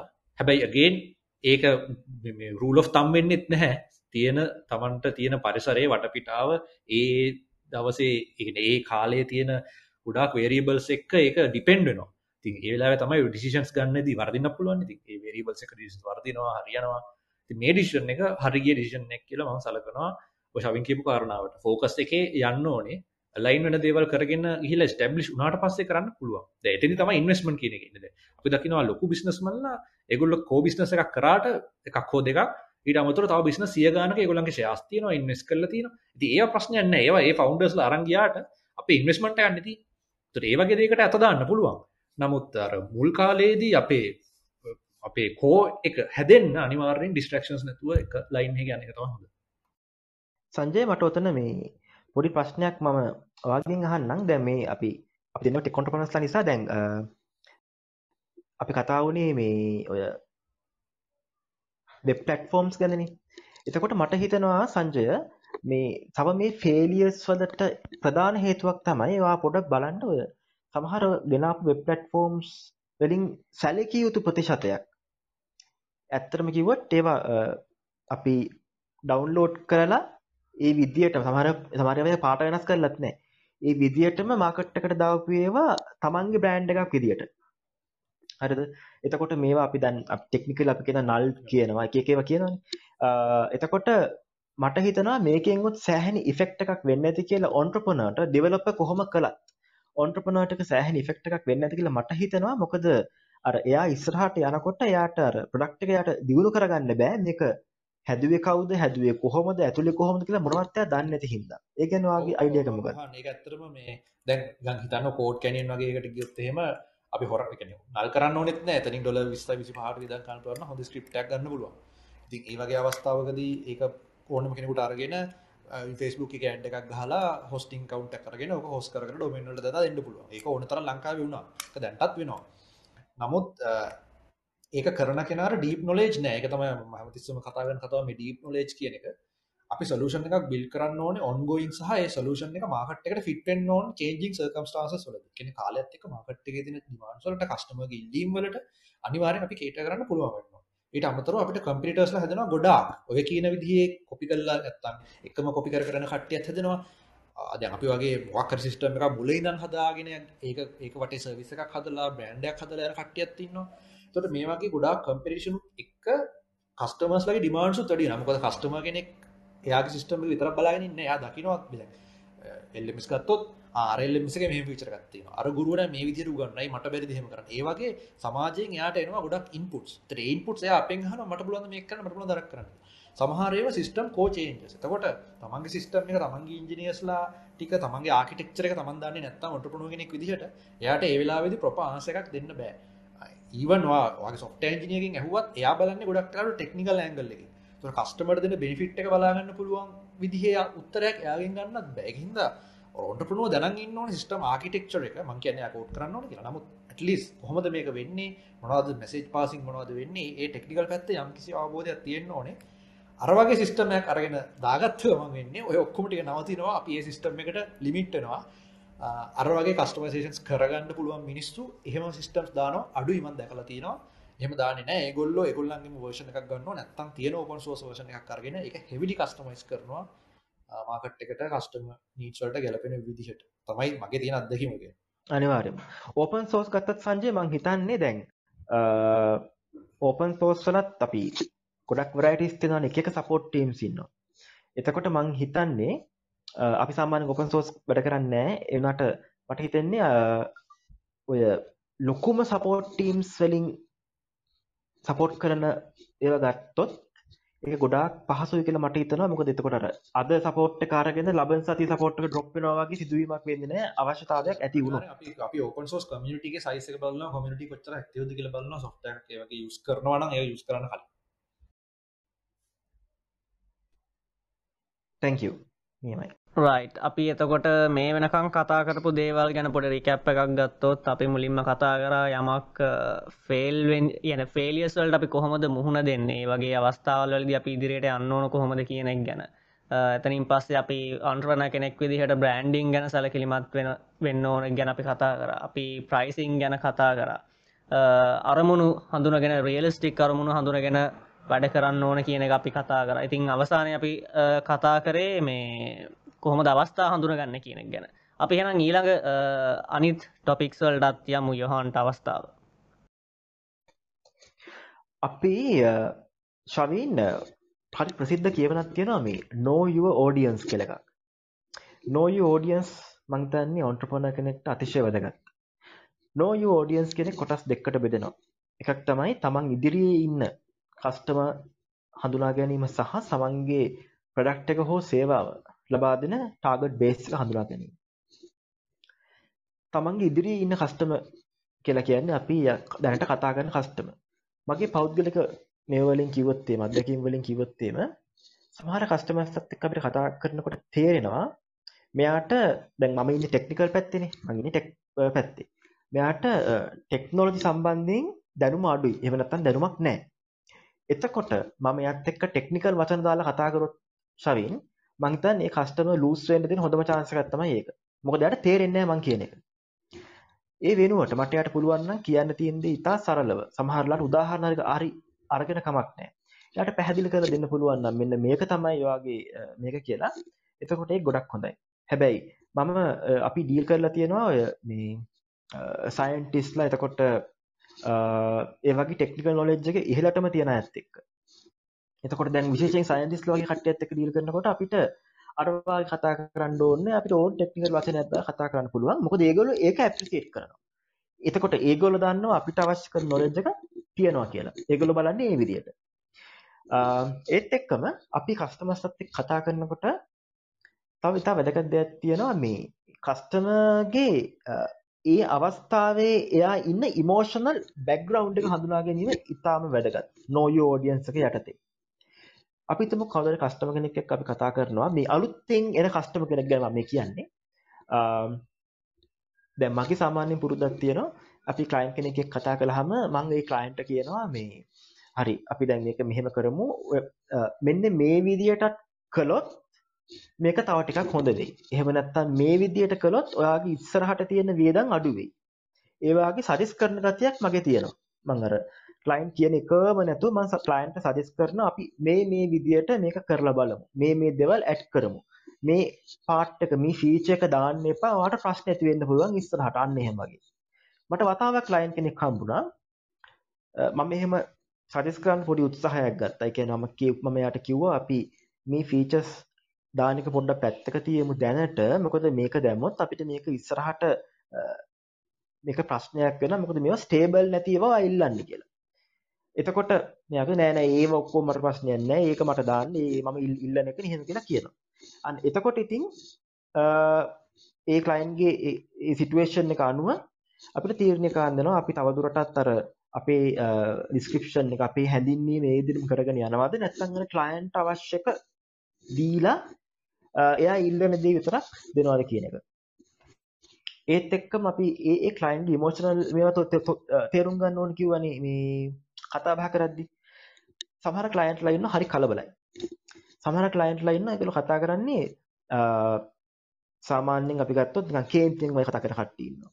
එතකොට මේ දේවල් අඳුරගෙන අපි කතා කරන්න ඕනේ ක්ලයන්ට් කෙනෙක් එක්ක ඩීල් කරනකොට. ඒ වගේ මේ ක්ලයන්ට් කවුද මොන තරාතිරමක කෙනෙක්ද මෙයාගේ බෑග්ග්‍රවුන්ඩ් එක මොකක්ද ඔය හැම දෙම ක්ලයන්ට් එක්ක කතා කරන පළවෙනි මිනිත්තු කීපය ඇතුළත අපිට අඳුර ගන්න පුළුවන් ශවි.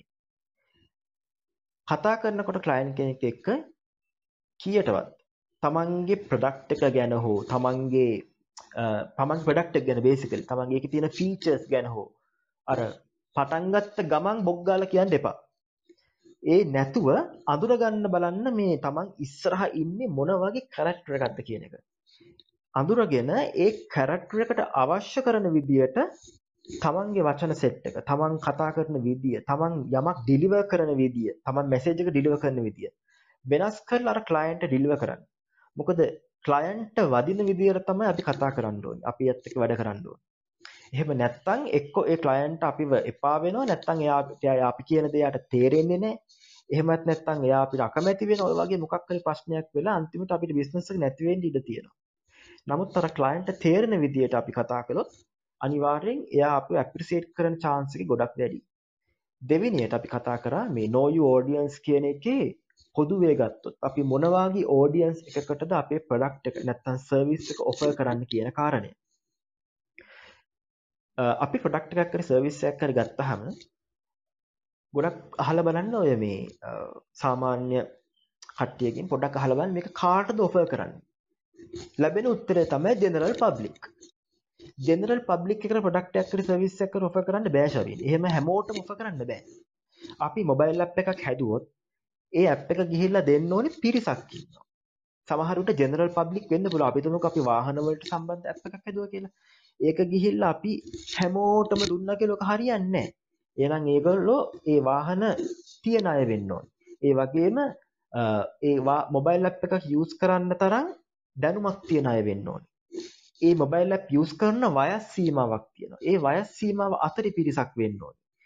ඊට පස්සේ අ, අපි ඒ මොබයිල් ඇප් එකට අවශ්‍ය කරන ඒ කටයුතු සිද්ධ වෙන්නේ සිටි බේස් නම් ඒගොල්ලෝ සිටි එකකට ලොකේට් වෙන්න ඕනේ.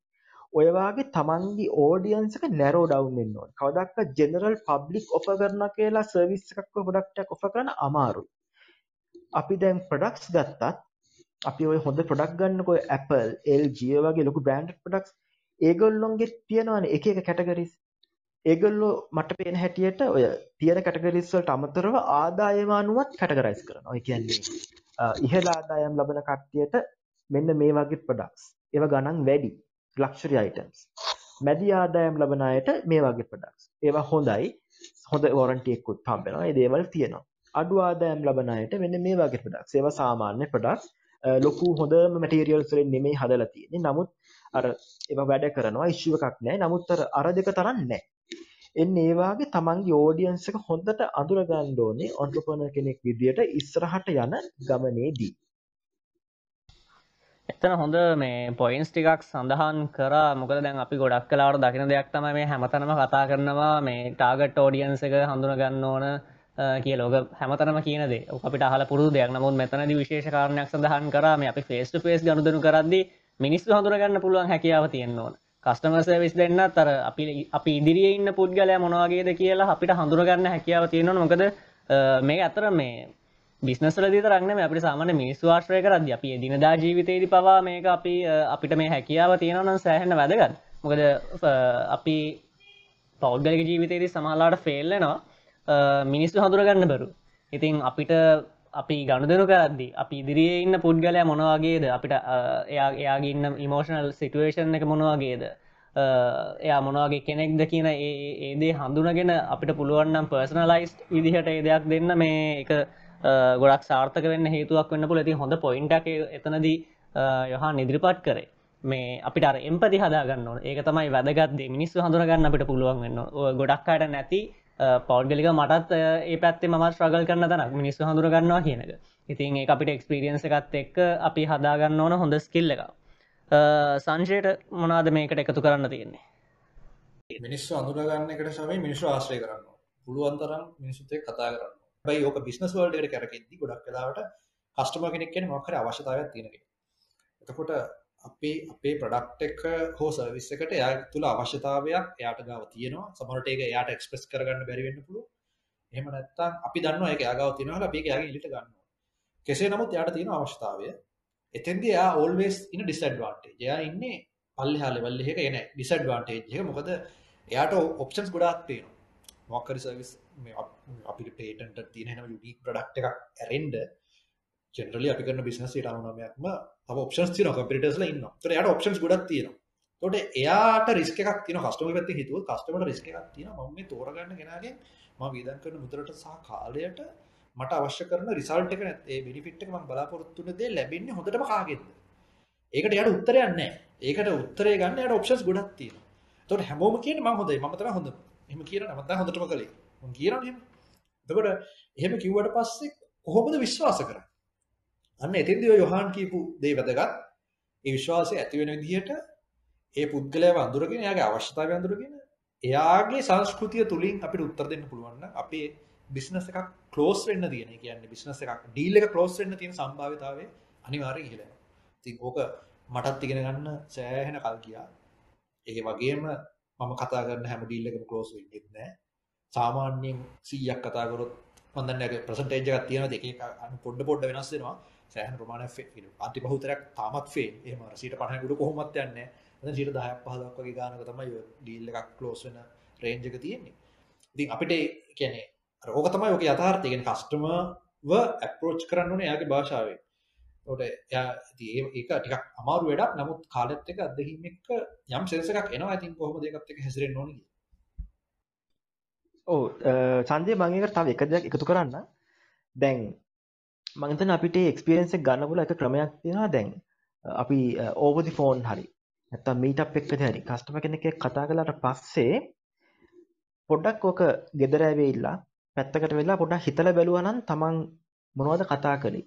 තමන් මොන විදියටද කතා කළේ? තමන්ගේ ටෝන් එක මොන විදියටද තිබුණේ?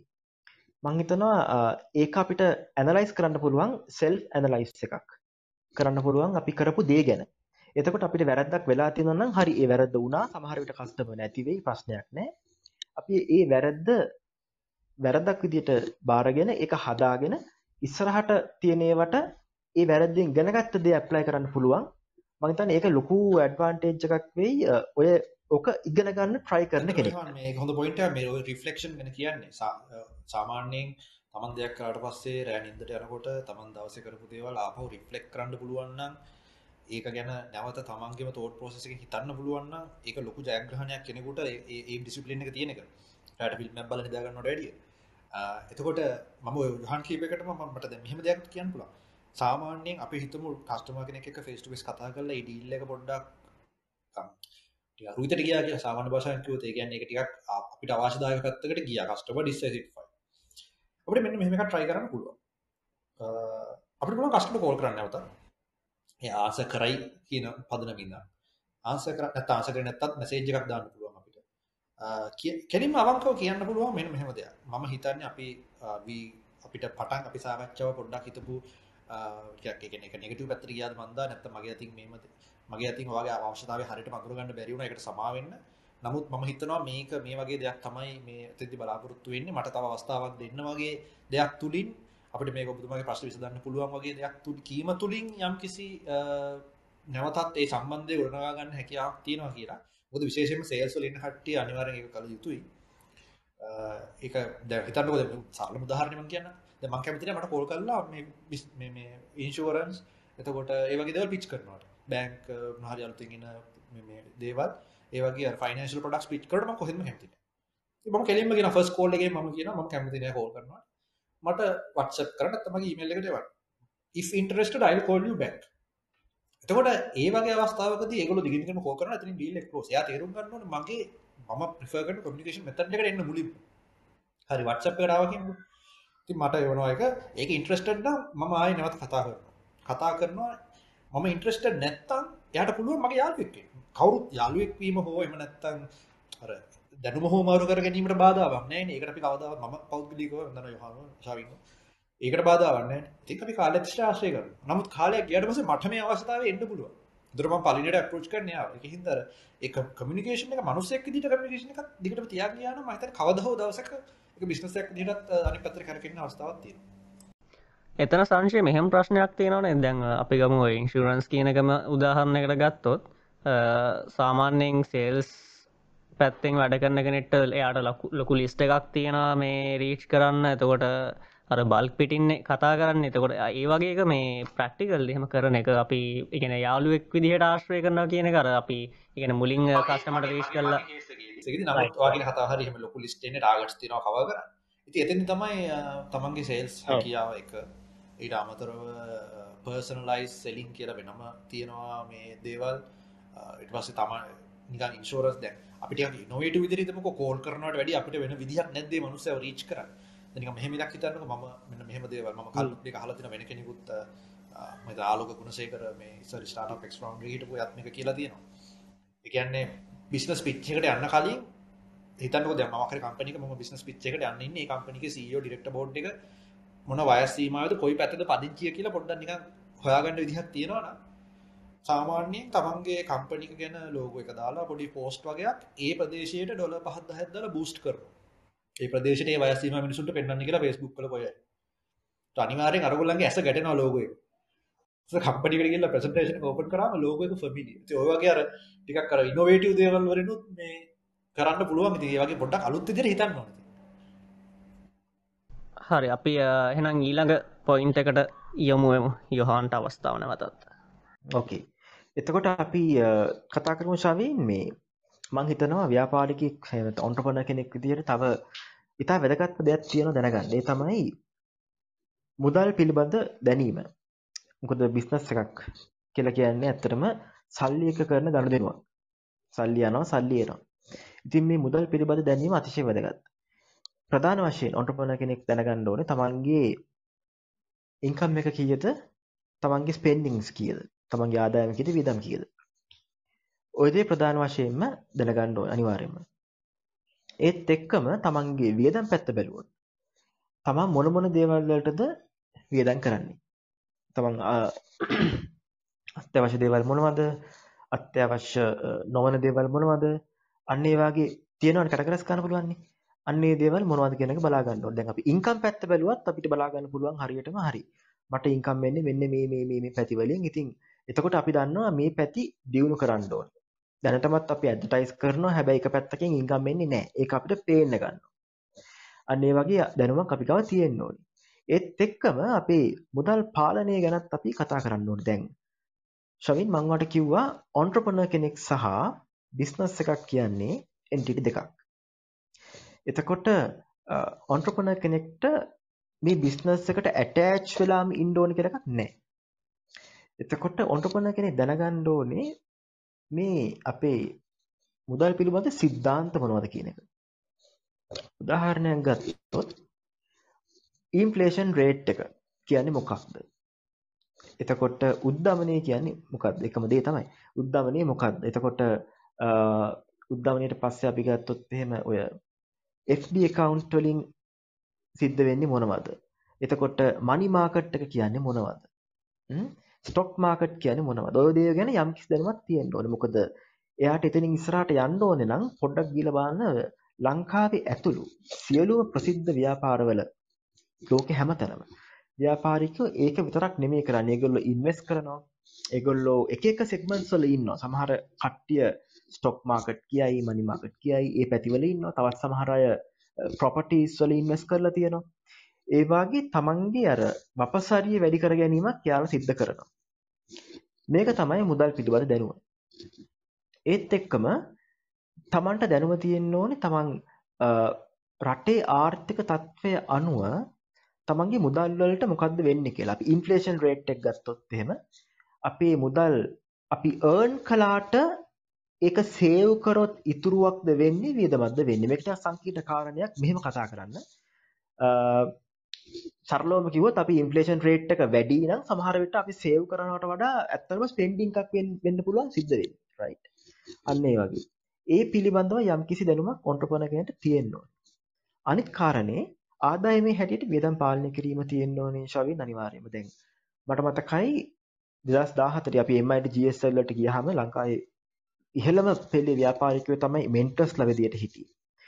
ඒගොල්ලෝ ඇවිල්ලා කියපු ස්පෙસિෆික් කාරණයක් තමයි දැන් ඕගොල්ලෝ දැන් මේ ඕගනයිස් දැන් මේ මේ මේ කම්පිටිෂන් එකට ඇවිල්ලා දැන් මේකට ෆේස් කරලා දැන් අර මම කම්පැනි ඕනර් කියලා ලොකුවට හදාගෙන ලොකුවට ස්පෙන්ඩින් කරගෙන එහෙම ඉන්න අවස්ථාවක් නැහැ. සාමාන්‍ය ලයිෆ් එක අරන් යන්න ඒ අර ඉස්සරහට යනකොට ඔයගොල්ලෝගේ අවස්ථා හවුවමනා එහෙම වෙනකොට ඒක ස්පෙන්ඩින්ග්ස් ඉන්කම් එක අනුව හදාගන්න කියන එක. නමුත් අපිට වර්තමානයේ දකින්න පුළුවන් අපි ලක්ෂයක් ගත්තොත් 1.10ක් 1.20ක් වේදම් කරනවා. අපි ඔන්ටර්ප්‍රනර් සෙක්ෂන් එක ගත්තත් ඒකෙත් අපි සැලකිය යුතු පිරිසක් සැලකිය යුතු පිරිසක් නෙමෙයි සැලකිය යුතු මුදලක් සමහර වේදම් කරනවා මේ තමන් ඔන්ටර්ප්‍රනර් කෙනෙක් කියලා පෙන්වන්න. හරිද? එතකොට මං හිතන්නේ මේ මෙහෙම වෙන්න අවශ්‍ය නැහැ ෂවෙන්. මොකද අපිට අර සමාජයට පෙන්වන එක වෙනයි තමන් ගාව ඇත්තටම යමක් ගොඩ නැගීම වෙනයි. ඒක දෙකක්. ඉතින් මුදල් පිළිබඳ දැනුම කියන්නේ ඒකයි. ඒ පාලනය කරන්නේ කොහොමද කියන එකත් අපි දැනගෙන ඉන්න ඕනේ. තමන්ගේ ආදායම අනුව තමන් මිලදී ගන්නේ මොනවද? තමන් වියදම් කරන්නේ මොනවද? කාටද වියදම් කරන්නේ? ඒ වගේම තමන්ගේ ඉන්කම් සෝසස් තමන්ගේ ඉන්කම් සෝසස් වර්තමානයේ තියෙන ඉන්කම් සෝසස් මොනවද? ඒ ඉන්කම් සෝසස් වලින් ස්ටේබල් ඉන්කම් සෝසස්. ඒ කියන්නේ අපි ගත්තොත් අපිට යම්කිසි සෙක්ෂන් එකක් තියෙනවා අපේ ව්‍යාපාරයේ යම්කිසි සෙක්ෂන් එකක් තියෙනවා. ඒකෙන් අපිට ඉන්කම් එක දිගට ගලාගෙන එනවා. එහෙම නැත්නම් ඒ විදිහට හදන්න පුළුවන්. අපි ඒකට එක්ස්පර්ටිස්. එතකොට ඒ දේවල් දියුණු කරන ක්‍රමය ඒ හැමදේම ওই මුදල් පිළිබඳ දැනුම කියන එකට ඇතුළත් වෙනවා.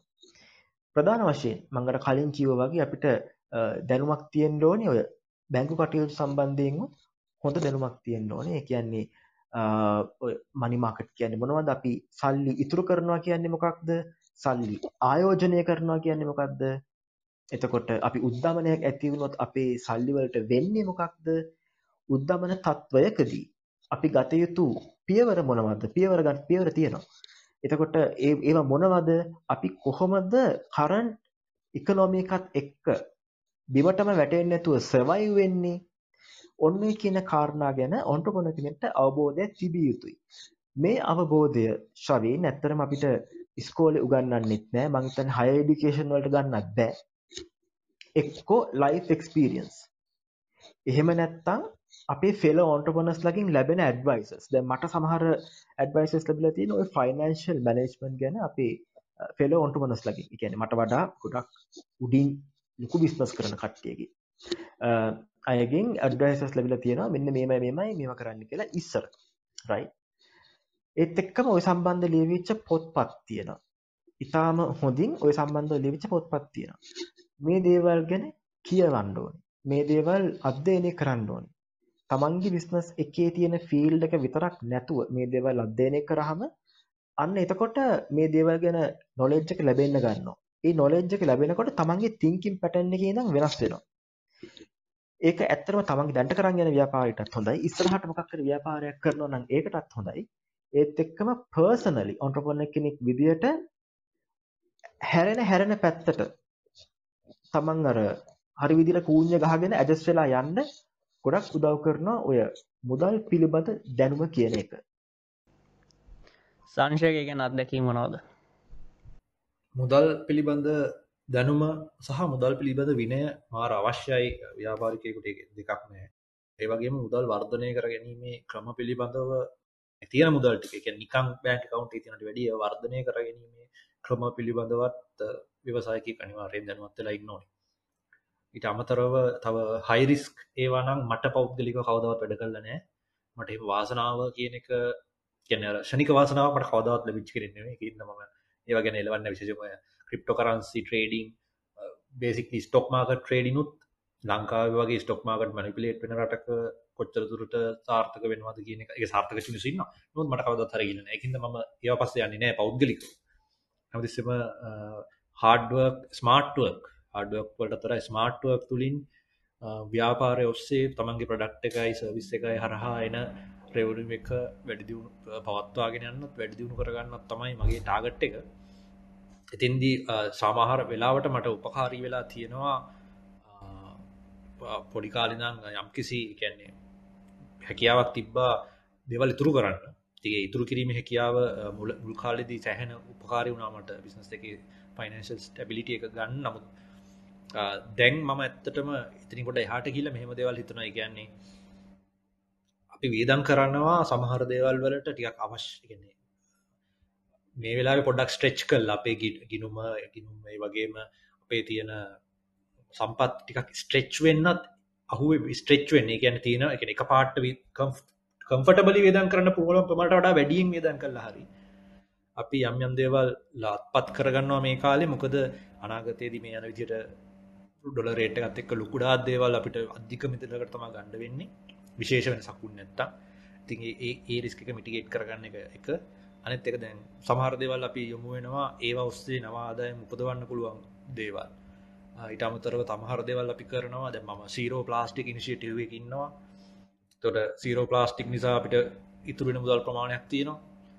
සෝල ඉනිශිටව ඉන්නවා. දැන් වැඩි මුදලක් විදමුණට සෝල පැනල් සහි කරන එක තුළ අනාගත ලොක ඉතිරියක් කියෙන ඒවගේ ඉදිරිය බරලා කරන දේවල් ටිකතම මේ දවසන මගේ ෆෝබස් එක තියෙන්නේ. ඒවත් අනාගතයේ වියදම් අඩු කර ගැනීමට උදව්වෙයි කියලා හිතනවා. සර්වින් ඇත්තටම සංජය හොඳ පොයින්ට එකක් කිව තමයි මේ අනාගතයේ ගැන සලකලා වර්තමාන වියදම් වැඩි කර ගැනීමක් ගැන. ඒක ඇත්තටම හොඳ ටැක්ටික්යක්. දැන් අපි ගත්තොත් අපි හිතනවා නම් යම්කිසි කාලයක් ඇතුළත යම්කිසි දෙයක වියදම වැඩි වෙයි කියලා අපිට ඒක දැන් පර්චේස් කරලා තියාගන්න පුළුවන්. එහෙමත් නැත්නම් අපිට වර්තමානයේ මොකක් හරි බිස්නස් එකක් බිල්ඩ් කරලා ඒකට ගොඩාක් වියදමක් යනවා. නමුත් ඒක අනාගතේ අපිට ඊට වඩා වැඩි ඉන්කම් එකක් ගන්න පුළුවන් නම් අපි ඒකට යොමු වෙන එකේ ගැටලුවක් නැහැ. කිසිම ප්‍රශ්නයක් නැහැ. දැන් එතකොට අර මේ සංජයත් එක්ක මෙන්ෂන් කරා මේ හයි රිස්ක් මේවා ගැන. ඇත්තටම අපි මම මේන්ලි සඳහන් කළේ ශවීන් දැන් අපි ඒ නොලෙජ් එක ලබා ගත්තා කියලා අපි ඇත්තටම අරවට යොමු වෙන්න අවශ්‍ය නැහැ. නමුත් අපි ගාව මම හිතනවා ඒ සම්බන්ධව ෆ්‍රේම්වර්ක් නොලෙජ් එකක් තිබුණොත් අපිට ඒක ගොඩක් වැදගත් වෙයි මේ මේ මේ මේ අවස්ථා පවතිනවා දැනට ඉකොනොමික හැර අර අපි කියන්නේ ඉකොනොමික කැරකෙනවා කියලා ඉකොනොමි එක කැරකෙන්නේ මොන පැත්තටද කියන එක තේරුම් ගන්න ඔය කියන නොලෙජ් එක මම හිතන්නේ වැදගත් වෙනවා. ඒවට අපි යොමු වීම අවශ්‍ය නැහැ ඇත්තටම. ඒක යොමු වෙන එක ඇති එක ඒ අර personal choice එකක්. personal choice එකක්. එතකොට මේ යොමු වීම අවශ්‍ය නැහැ. ඒ නොලෙජ් එක ලබා ගැනීම වැදගත් වේවි අර ආර්ථිකය එහාට මෙහාට කැරගෙනකොට අපි අපේ සර්වයිවල් එකට. හරි මං හිතන්නේ අපිට තව ඉතුරු වෙලා තියෙන්නේ එක පොයින්ට් එකක් විතරයි එහෙම නේද? අපිට ඉතුරුලා තියෙන්නේ නායකත්වය. ඔව්. ඔව්. සයින් අපි කතා කරමු ඊට පස්සේ නායකත්වය සහ අපිට කියන්නේ අපි ආයතනයකද නායකත්වය ලබා දීමක් ගැන. දැන් අපි නායකත්වය ගැන කතා කළාම ඔන්ටර්ප්‍රනර් කෙනෙක් කියන පුද්ගලයා තමන්ගේ ආයතනයේ යම්කිසි සේවක සංඛ්‍යාවකට එයා නායකයෙක් විදිහට තමයි කටයුතු කරන්නේ. නායකත්ව ගුණාංග තියෙනවා. නායකත්ව ගුණාංග කීපයක්ම තියෙනවා. මම ඒ ස්ටෙප් බයි ස්ටෙප් යන අදහසක් කරන්නේ නැහැ. ඒ වුණාට අපි ගත්තොත් නායකයෙක් කියන පුද්ගලයා ශවින් හැම වෙලේම අර මේ වර්තමානයේ නායකයෙක් කියන පුද්ගලයා නියෝග කිරීමකින් පමණක් නවතින කෙනෙක් නෙමෙයි. කියන්නේ ඊට වඩා එහා ගිය දෙයක් එයාගේ තියෙනවා. සාමාන්‍යයෙන් එයා ටිකක් වර්ත වර්තමානයේ නායකත්වයේ කියන පුද්ගලයා ටිකක් ෆ්‍රෙන්ඩ්ලි කෙනෙක්. එකන යා යමක් ඔොන්ට සම යමක් සමන්ගේ සේවකයන්ට ලබා දෙනවනම් ඒක ලබා දෙන ක්‍රමයක් තියෙන එත් එක්කම තමන්ගේ ස්ටාෆ් එක කට්ටියට ඇහුම්කන් දෙන්න ඕනේ. එතකොට ඒ ස්ටාෆ් එක කට්ටිය මැනේජ් කරගන්න දැනගන්න ඕනේ? ප්‍රොජෙක්ට් එකක් ගත්තොත් ඒ ප්‍රොජෙක්ට් එකට කී දෙනෙක් දාන්න ඕනද? ඒ ප්‍රොජෙක්ට් එකේ දෙන්නෙක් දැම්මොත් හරිද? තුන් දෙනෙක් දැම්මොත් හරිද? හතර දෙනෙක් දැම්මොත් හරිද? කියන තේරුම තියෙන්න ඕනේ. එතකොට ඒ යම්කිසි ප්‍රොජෙක්ට් එකක් ගත්තොත් ඒ ප්‍රොජෙක්ට් එකට දාන්න ඕනේ මොන මොන ස්කිල්ස් තියෙන අයවද? ඒ දේවල් ගැන යට හොඳ දැනුමක් තියෙනවා ඒ වගේම තමන් ව්‍යාපාරයේ හිමිකරු වූ පළියට අනිත් සියලුම ස්ටාෆ් මෙම්බර්ස්ලාගේ අදහස් නිෂ්ප්‍රභා කිරීම එහෙම නැත්නම් නිග්ලෙක්ට් කිරීම අවශ්‍ය නැහැ. මං හිතන විදිහට අපිට ස්ටාෆ් මෙම්බර්ස් ලගෙන් සෑහෙන යමක් දැනගන්න පුළුවන්. දැන් අපිත් තියෙන සමහර ප්‍රොජෙක්ට්ස් වල වැඩ කරන අය අපිට ස්ටාෆ් මෙම්බර්ස්ලා කියන්නේ අනිත් ඉන්ජිනියර්ස්ලා අපිට කියනවා මේක මෙහෙම කළොත් හොඳයි කියලා. සමහර අවස්ථාවලදී ඒක ඒක මේ මේ ඒ අවස්ථාවද නොගැලපෙන ෆීචර් එක වුණත් අපි කියන හරි කමක් නැහැ ඒක අපි ඩිස්කස් කරලා බලමු ඒක හොඳ අයිඩියා එකක්. ඒ වගේ කියලා අර තමන්ගේ ස්ටාෆ් එක මොටිවේට් කරලා ගන්න දැනගන්න ඕනේ. අර අපි ස්ටාෆ් එකට ඇහුම්කන් දෙනවා කියන්නේ ශවින් හැම වෙලාවෙම අපිත් එක්ක හොඳ රිලේෂන්ෂිප් එකක් එක්ක එකතු වෙන ස්ටාෆ් එකක් අපිට ඉන්නවා. මොකද අපි මිනිස්සෙට ඇහුම්කන් දුන්නොත් ඒ මිනිස්සයාට යම්කිසි වටිනාකමක් දුන්නොත් තමයි අපිත් එක්ක ඉන්නේ. ඉතින් හැම වෙලේම අපේ ස්ටාෆ් එකේ මේවලට ඇහුම්කන් දීලා එයාලගේ අවශ්‍යතා හඳුනාගෙන එයාලගේ අදහස් වලට හොඳ තැනක් ලබා දීලා කොටින්ම කියනවා නම් එයාලට ආයතනය තුල එයාලට තැනක් තියනවා කියන හැඟීම ඇති කිරීම අත්‍යවශ්‍යයි ඔන්ට්‍රප්‍රනර් කෙනෙක්ට. එහෙම නැත්නම් සිටුේෂන් එකක් ඕපන් වෙනවා අර ස්ටාෆ් එක එනවා යනවා එනවා යනවා වගේ තත්ත්වයක් එහෙම නැත්නම් ඕපන් වෙන්න පුළුවන්. මොකද ඇතුළට එන කෙනාට දැනෙන්න ඕනේ මේක මගේ ගෙදර වගේ හැඟීමක් දැනෙන්න ඕනේ. ඒ ඇතුළේ තියෙන එන්වයරන්මන්ට් එකට ෆ්‍රෙන්ඩ්ලි වෙන්න ඕනේ. ඒකට තමයි අපි ඔය මේ අවශ්‍ය කරන ෆැසිලිටිස් අවශ්‍ය කරන ගුණාංග අපි අනිවාර්යෙන් ඒ සම්බන්ධයෙන් ඩෙවලොප් කර ගැනීම ඔව් සංජයගේ අත්දැකීම් කොහොම දේ ගැන ලීඩ කෙනෙක් විදිර මම සාමාන්‍යයෙන් ෆොලෝ කරන දෙයක් තමයි මිලිටරි එකේ තියෙන ගතියක් ගුණාන්ගයක් මොකක්ද මිලිටරී එකේ තියෙන්නේ මේ? The person uh, next to you or person left or right. දෙපැත්තෙම තමන්ගේ තමන් එක්ක බැටලේකට යන මිනිස්සු. දැන් බිස්නස් කියන්නේ බැටල එකක් නේ. ඒක විතර පිළු ව්‍යාපාර ලෝකයේ මේ කම්පැනි එකක් එක්ක මේ තව කම්පැනිස් එක ගැටෙමින් කස්ටමර්ස්ලා දිනාගෙන තැනක් හදාගන්න එක ඒක ගැටුමක්. ඇත්තම ලොකු යුද්ධයක්. ඉතින් ඒ යුද්ධෙදී තමන්ගේ ටීම් මෙම්බර් ටීම් මෙම්බර්ස්ලා කියන්නේ තමන්ගේ ලයිෆ් බ්ලඩ් එක කියන්නේ ඒගොල්ලෝ තමන් ඒගොල්ලන්ව බලා ගන්නවා ඒගොල්ලෝ තමන්ව බලා ගන්නවා. ඔන්න ඔය රිලේෂන්ෂිප් එක කම්පැනි එක තුල හදන්න ආදර්ශමත් නායකත්වයක් තියෙනවා. ඉතින් නායකයා ආදර්ශමත් වෙන්න ඕනේ. එයා ප්‍රැක්ටිස් එකෙන් ඒ දේවල් කරන්න ඕනේ. ඉතින් එයා එයා ප්‍රැක්ටිස් එකෙන් මුලින් ඒ දේවල් කරලා පෙන්නුවොත් තමයි අනිත් අය ඒක රෙස්පෙක්ට් කරන්න එයා ෆලෝ කරන්නේ. නැත්තම් අර කරන්න ඕනට කරනවා හිත යටින් hina වෙවි. ඉතින් ඒ தත්ත්වේ නැතුව ආදර්ශවත් නායකත්වයක් තුලින් බොස් කෙනෙක් වෙනුවට ලීඩර් කෙනෙක් වෙනවා කියලා අපි කියන්නේ සාමාන්‍ය ඉතින් අපි කතා කරන දේ. ඉතින් අර එතෙන්දී going above and beyond uh, for the welfare of your team members කියන එක අතිශය වැදගත්. නායකත්වයට හැබැයි එතෙන්දි මම ස්පෙශලි පරිස්සම් වෙනවා හයරිං වලද. මොකද ඔය හයරිං පෝසෙස් එක අපිට මොකද සමහර හයස් අපි කරනවා. ගැන මෙමිතන්ටකෝ දැන් අපි මොකරි මැටිකුලියක් ගත්තර පස අපිතුම ඒලෙවල් වලින් අවට්න ළමෙක් අපිත් එක වැඩ කරන්න නවා යාව අපිට ඕන ඉදිර ශේප් කරලා අපි කම්පනි කල්චරකට මංඔය කියපු අන තව කෙනෙක් වෙනුවෙන් කයා කරන තත්වයට තමයි කම්පනික වෙනුවෙන් කයා කරන තත්වයට හදන් හරි ලේසි මොකද ඒගොල්ලෝ අලුතෙන් ජීවිතයට පාතබන්නේ ඒගොල්ලෝ ස්ටානිශ් වෙලා තියෙන තත්ත්වය අඩුයි. නමුත් අපි ටියක් ලොක පොසිෂන්යකට හෙඩ්හන්ට් කරලා කවරුරි හය කරනවාන අනිවාර්යෙන්ම හයිරින් පෝසෙස එක මාර ස්ට්‍රික් සහ මාර ස්ට්‍රීම් ලයින් වෙන්න ඕනේ. මොකද ඒගොල්ල ඕල්රෙඩි වෙන තැන්වල වැඩ කල්ලා විධ මානසික මට්ටමලින් එන්න පුළුවන් එක අපිට කපාට පේන්න සමට ඉන්ටවගේ පේනෙත් නෑ ටියක් කල් ගියාම එකට වැඩ කරද්දි ප්‍රශ්නයකට තමයි තේරෙන්නේ මේ පුද්ගලයා අපි කරගත්ත ලොකුම ගොංකම මෙයා හය කරපු එක්ක. ඉතින් තමන්ගේ ලීඩර්ෂිප් කොච්චර හොඳ වුණත් එයා ඕල්රෙඩි හදන්න බැරි ලෙවල් එකකට වැටිලා ඉවරයි. ඒ කියන්නේ එයාව හදන්න පුළුවන් බැරි නෑ. නමුත් ඒ වෙනුවෙන් අපිට දෙන්න කාලයක් නෑ. ඒ වගේම එයා අනිත් කම්පැනිකින් අනිත් අයවටත් ඒ විස බීජ යවන්න ඉඩ තියෙනවා. ඉතින් ඒතෙන්දි හයරින් ප්‍රොසෙස් එකේදී මම සෑහෙන සැලකිලිමත් වෙනවා. කොච්චර වැඩ තිබ්බත්, කොච්චර හොඳට වැඩ පෙන්නලා තිබ්බත් ටියටස් කියන එක ම සෑහන මෙෂ කරන්න ට්‍රයි කරනවා. තම ටියටස් මෙෂ කරන්න ලෝක එක මොඩල්ස් තියෙන ඉතින් කට්ටියගෙන හල්ලා ලංකාවට ගැල පෙන්න්නෙත් නෑ සමහරව නමුත් දිගතෙන්දි හරි හරිස්කි මුත් හරිට පරිසගෙන්න්නට තැනක්. මොකද ඒ වගේ පුද්ගලෙක්ට ලීඩශිප් එකකින්ම හදන්න අමාරුවේ හොඳ ලීඩශිප් එකක් කම්පනය ඇතුළ තිබ කියලා. ඉතින් එතෙන්දී විතරක් මං සෑහෙන පරිසගෙනවා නමුත්තර ජෙනරලි කම්පනි කල්චර එක ඇතුළේ තමන් ආදර්ශයෙන් දෙයක් පෙන්ුවොත් ඒක ෆොලෝ කරන්න තමයි ගොඩක් අය නිකම්ම නිරාදසයම යොමුුව නති ඒ පැත තමයි මට ලීඩශිප් ගැන කෙටියෙන් කියන්නති සංජය හොඳ පොයින්ට එකක් කිව මේ හයිරිං සම්බන්ධ මත්වයට තමක් එකතු කරන්න. Uh, ඔය ස්කිල්ස් වර්සස් ඇටිටියුට් කියනක හයිරිං වලදී. ඇත්තටම uh, අපි ගත්තත් අපි මුලින්ම බලන්නේ ස්කිල්සල්ටෝට ඇටිටියුට් එක. හරි.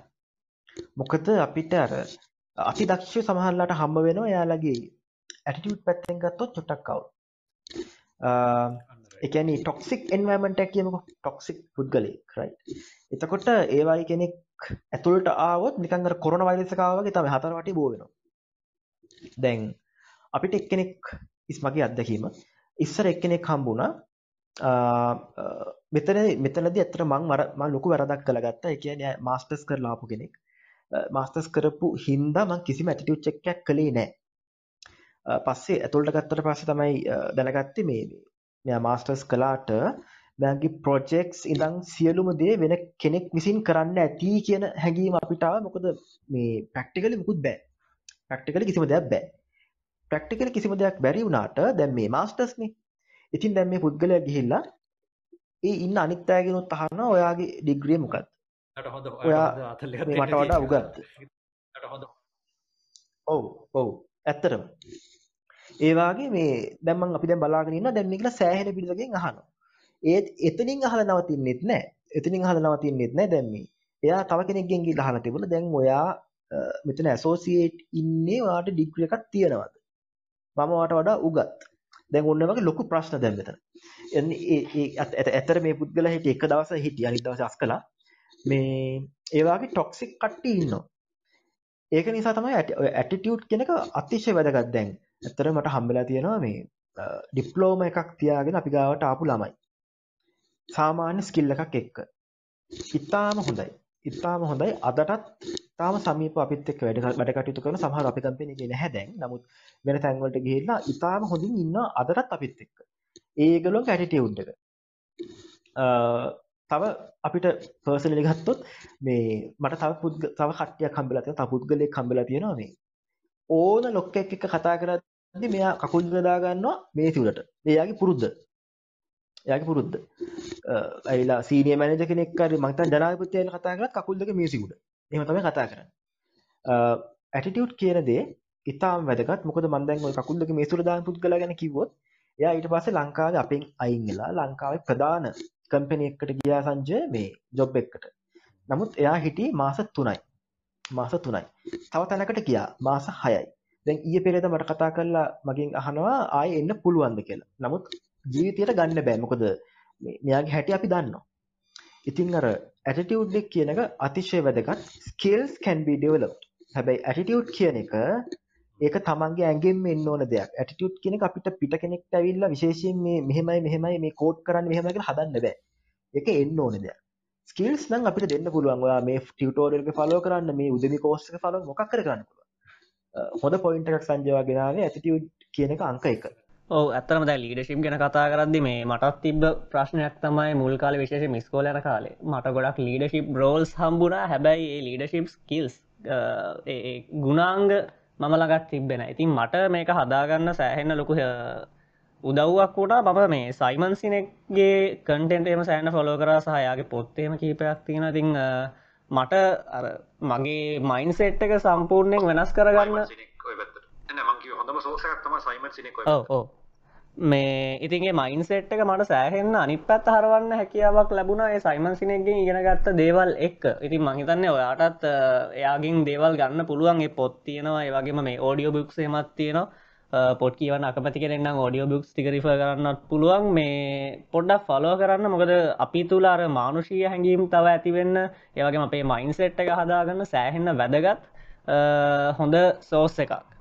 ඇතර මම දැන් ආපහු මේක කතාගර මම මුලදි සඳහන් කරපු දේට ගෙනාවොත් අපි මේ මම මුලදි සඳහන් කර අපි ව්‍යවසායකෙක් විදිහට ව්‍යාපාරයක් ගොඩනගන්නත් අපි ව්‍යවසායකෙක් විදි ඉස්සල ගොඩනගලින්න ගෙන තමන් පුද්ගලෙක් විදිර ගොඩනගලින්න ඕන සමහට දැම් මේ කතා කරගෙන නැද්දි වාරත් අවබෝධ වෙන්න ඇති දැම්ම අපි කතා කරේ ව්‍යාපාර වලදී එක්තරාවි එක පැත්තකින් ව්‍යාපාර කරගෙන අද අපි මුණ දෙන්න සිද්ධ වෙන අභියෝග තියෙන අනිත් පැත්තෙන් අපි ව්‍යාපාරයක් කරගෙන යන්න මේන්ටෙන් කරන්න ස්කේල් කරන්න මේවට අවශ්‍ය වෙන මේ අපි අපි ළඟ තු තියෙන්න්න ඕන දේවල් තියෙන ඉතින් ඒ දේවල් අපි ළඟ තිබොත් විතර ඒ ස්කිල්ස් කුසලතා ඒ හැකියාවන් හැමදේම අපි ළඟ තිබ්බොත් විතරයි අපිට ව්‍යාපාරයක් ගොඩන ගන්න පුළුවන්වෙන්න ඉතින් අන්න ඒ නිසා තමයි ව්‍යාපාරයක් ගොඩනගන්නත් ඉස්සල්ල තමන් පුද්ගලෙක් විදියට ගොඩනගෙරක වැදගත් වෙන්නේ. ඒ හේතුවෙන් තම අද මේ සෙෂන් එක අපි ඕගනයිස් කරේ. ඉතිං බොහොම ස්තුතියි මේ යොහන් මහත්මයට සහ සංජය මහත්මයට දෙන්නටව අද අපිත් එක් එක තුලා පෑදයකට ආසන්න කාලයක් තිස්සේ තමන්ගේ දැනුව අත්දැකීම් බෙදාගත්තර ඒත් එක්කම අවසාන වශයෙන් මතක් කරන්න ඕන මේ මයන්න YouTube චනල්ල ගත්ත එක් එකතු වෙලා ඉන්න පුළුවන්න මොකද අපි ඉස්සරහට මේ විශේෂම ව්‍යවසායකත්වය ගැන පොඩිපොඩි දේවල් ටිකක් එක්සයිටන් දේවල්ටිය කළුත් දේවල් ටිකක් කරන්න බලාපොරොත්තුවක් තියෙනවා. ඉතින් ඒ දේවල් ගැන දැනගන්න පුළුවන් බලන්න පුළුවන් මයන්න YouTube චැනල් එක සබස්ක්‍රයිබ් කරලා තිබුණොත් ඒකත් බලන්න. අපි එහෙනම් මේ වගේ තවත් දවසක අපි මේ එක්ක ව්‍යවසායකත්වය ගැන ඒවගේම පර්සනල් ඩියවලොප්මන් ගැන මෙන්න මේ මාතෘකා දෙක ගැන තවත් දවසක මේ වගේ හොඳ වැලිබල් සේෂණයකින් නැවතත් හමුවමු එන අදහස් දක්වපු ඔබ දෙන්නටත් ඔබ දෙවලටත් ස්තුතිවන්ත වෙන ගමන් අපිත් එක්ක පෑක හමාරකනේ පෑ දෙකට ලං කල කාලයක් අපිත් එක්ක එකතු වෙලා හිටපු හැමෝටමත් ස්තුතිවන්ත වෙන එන හැමෝටම ජයවේවා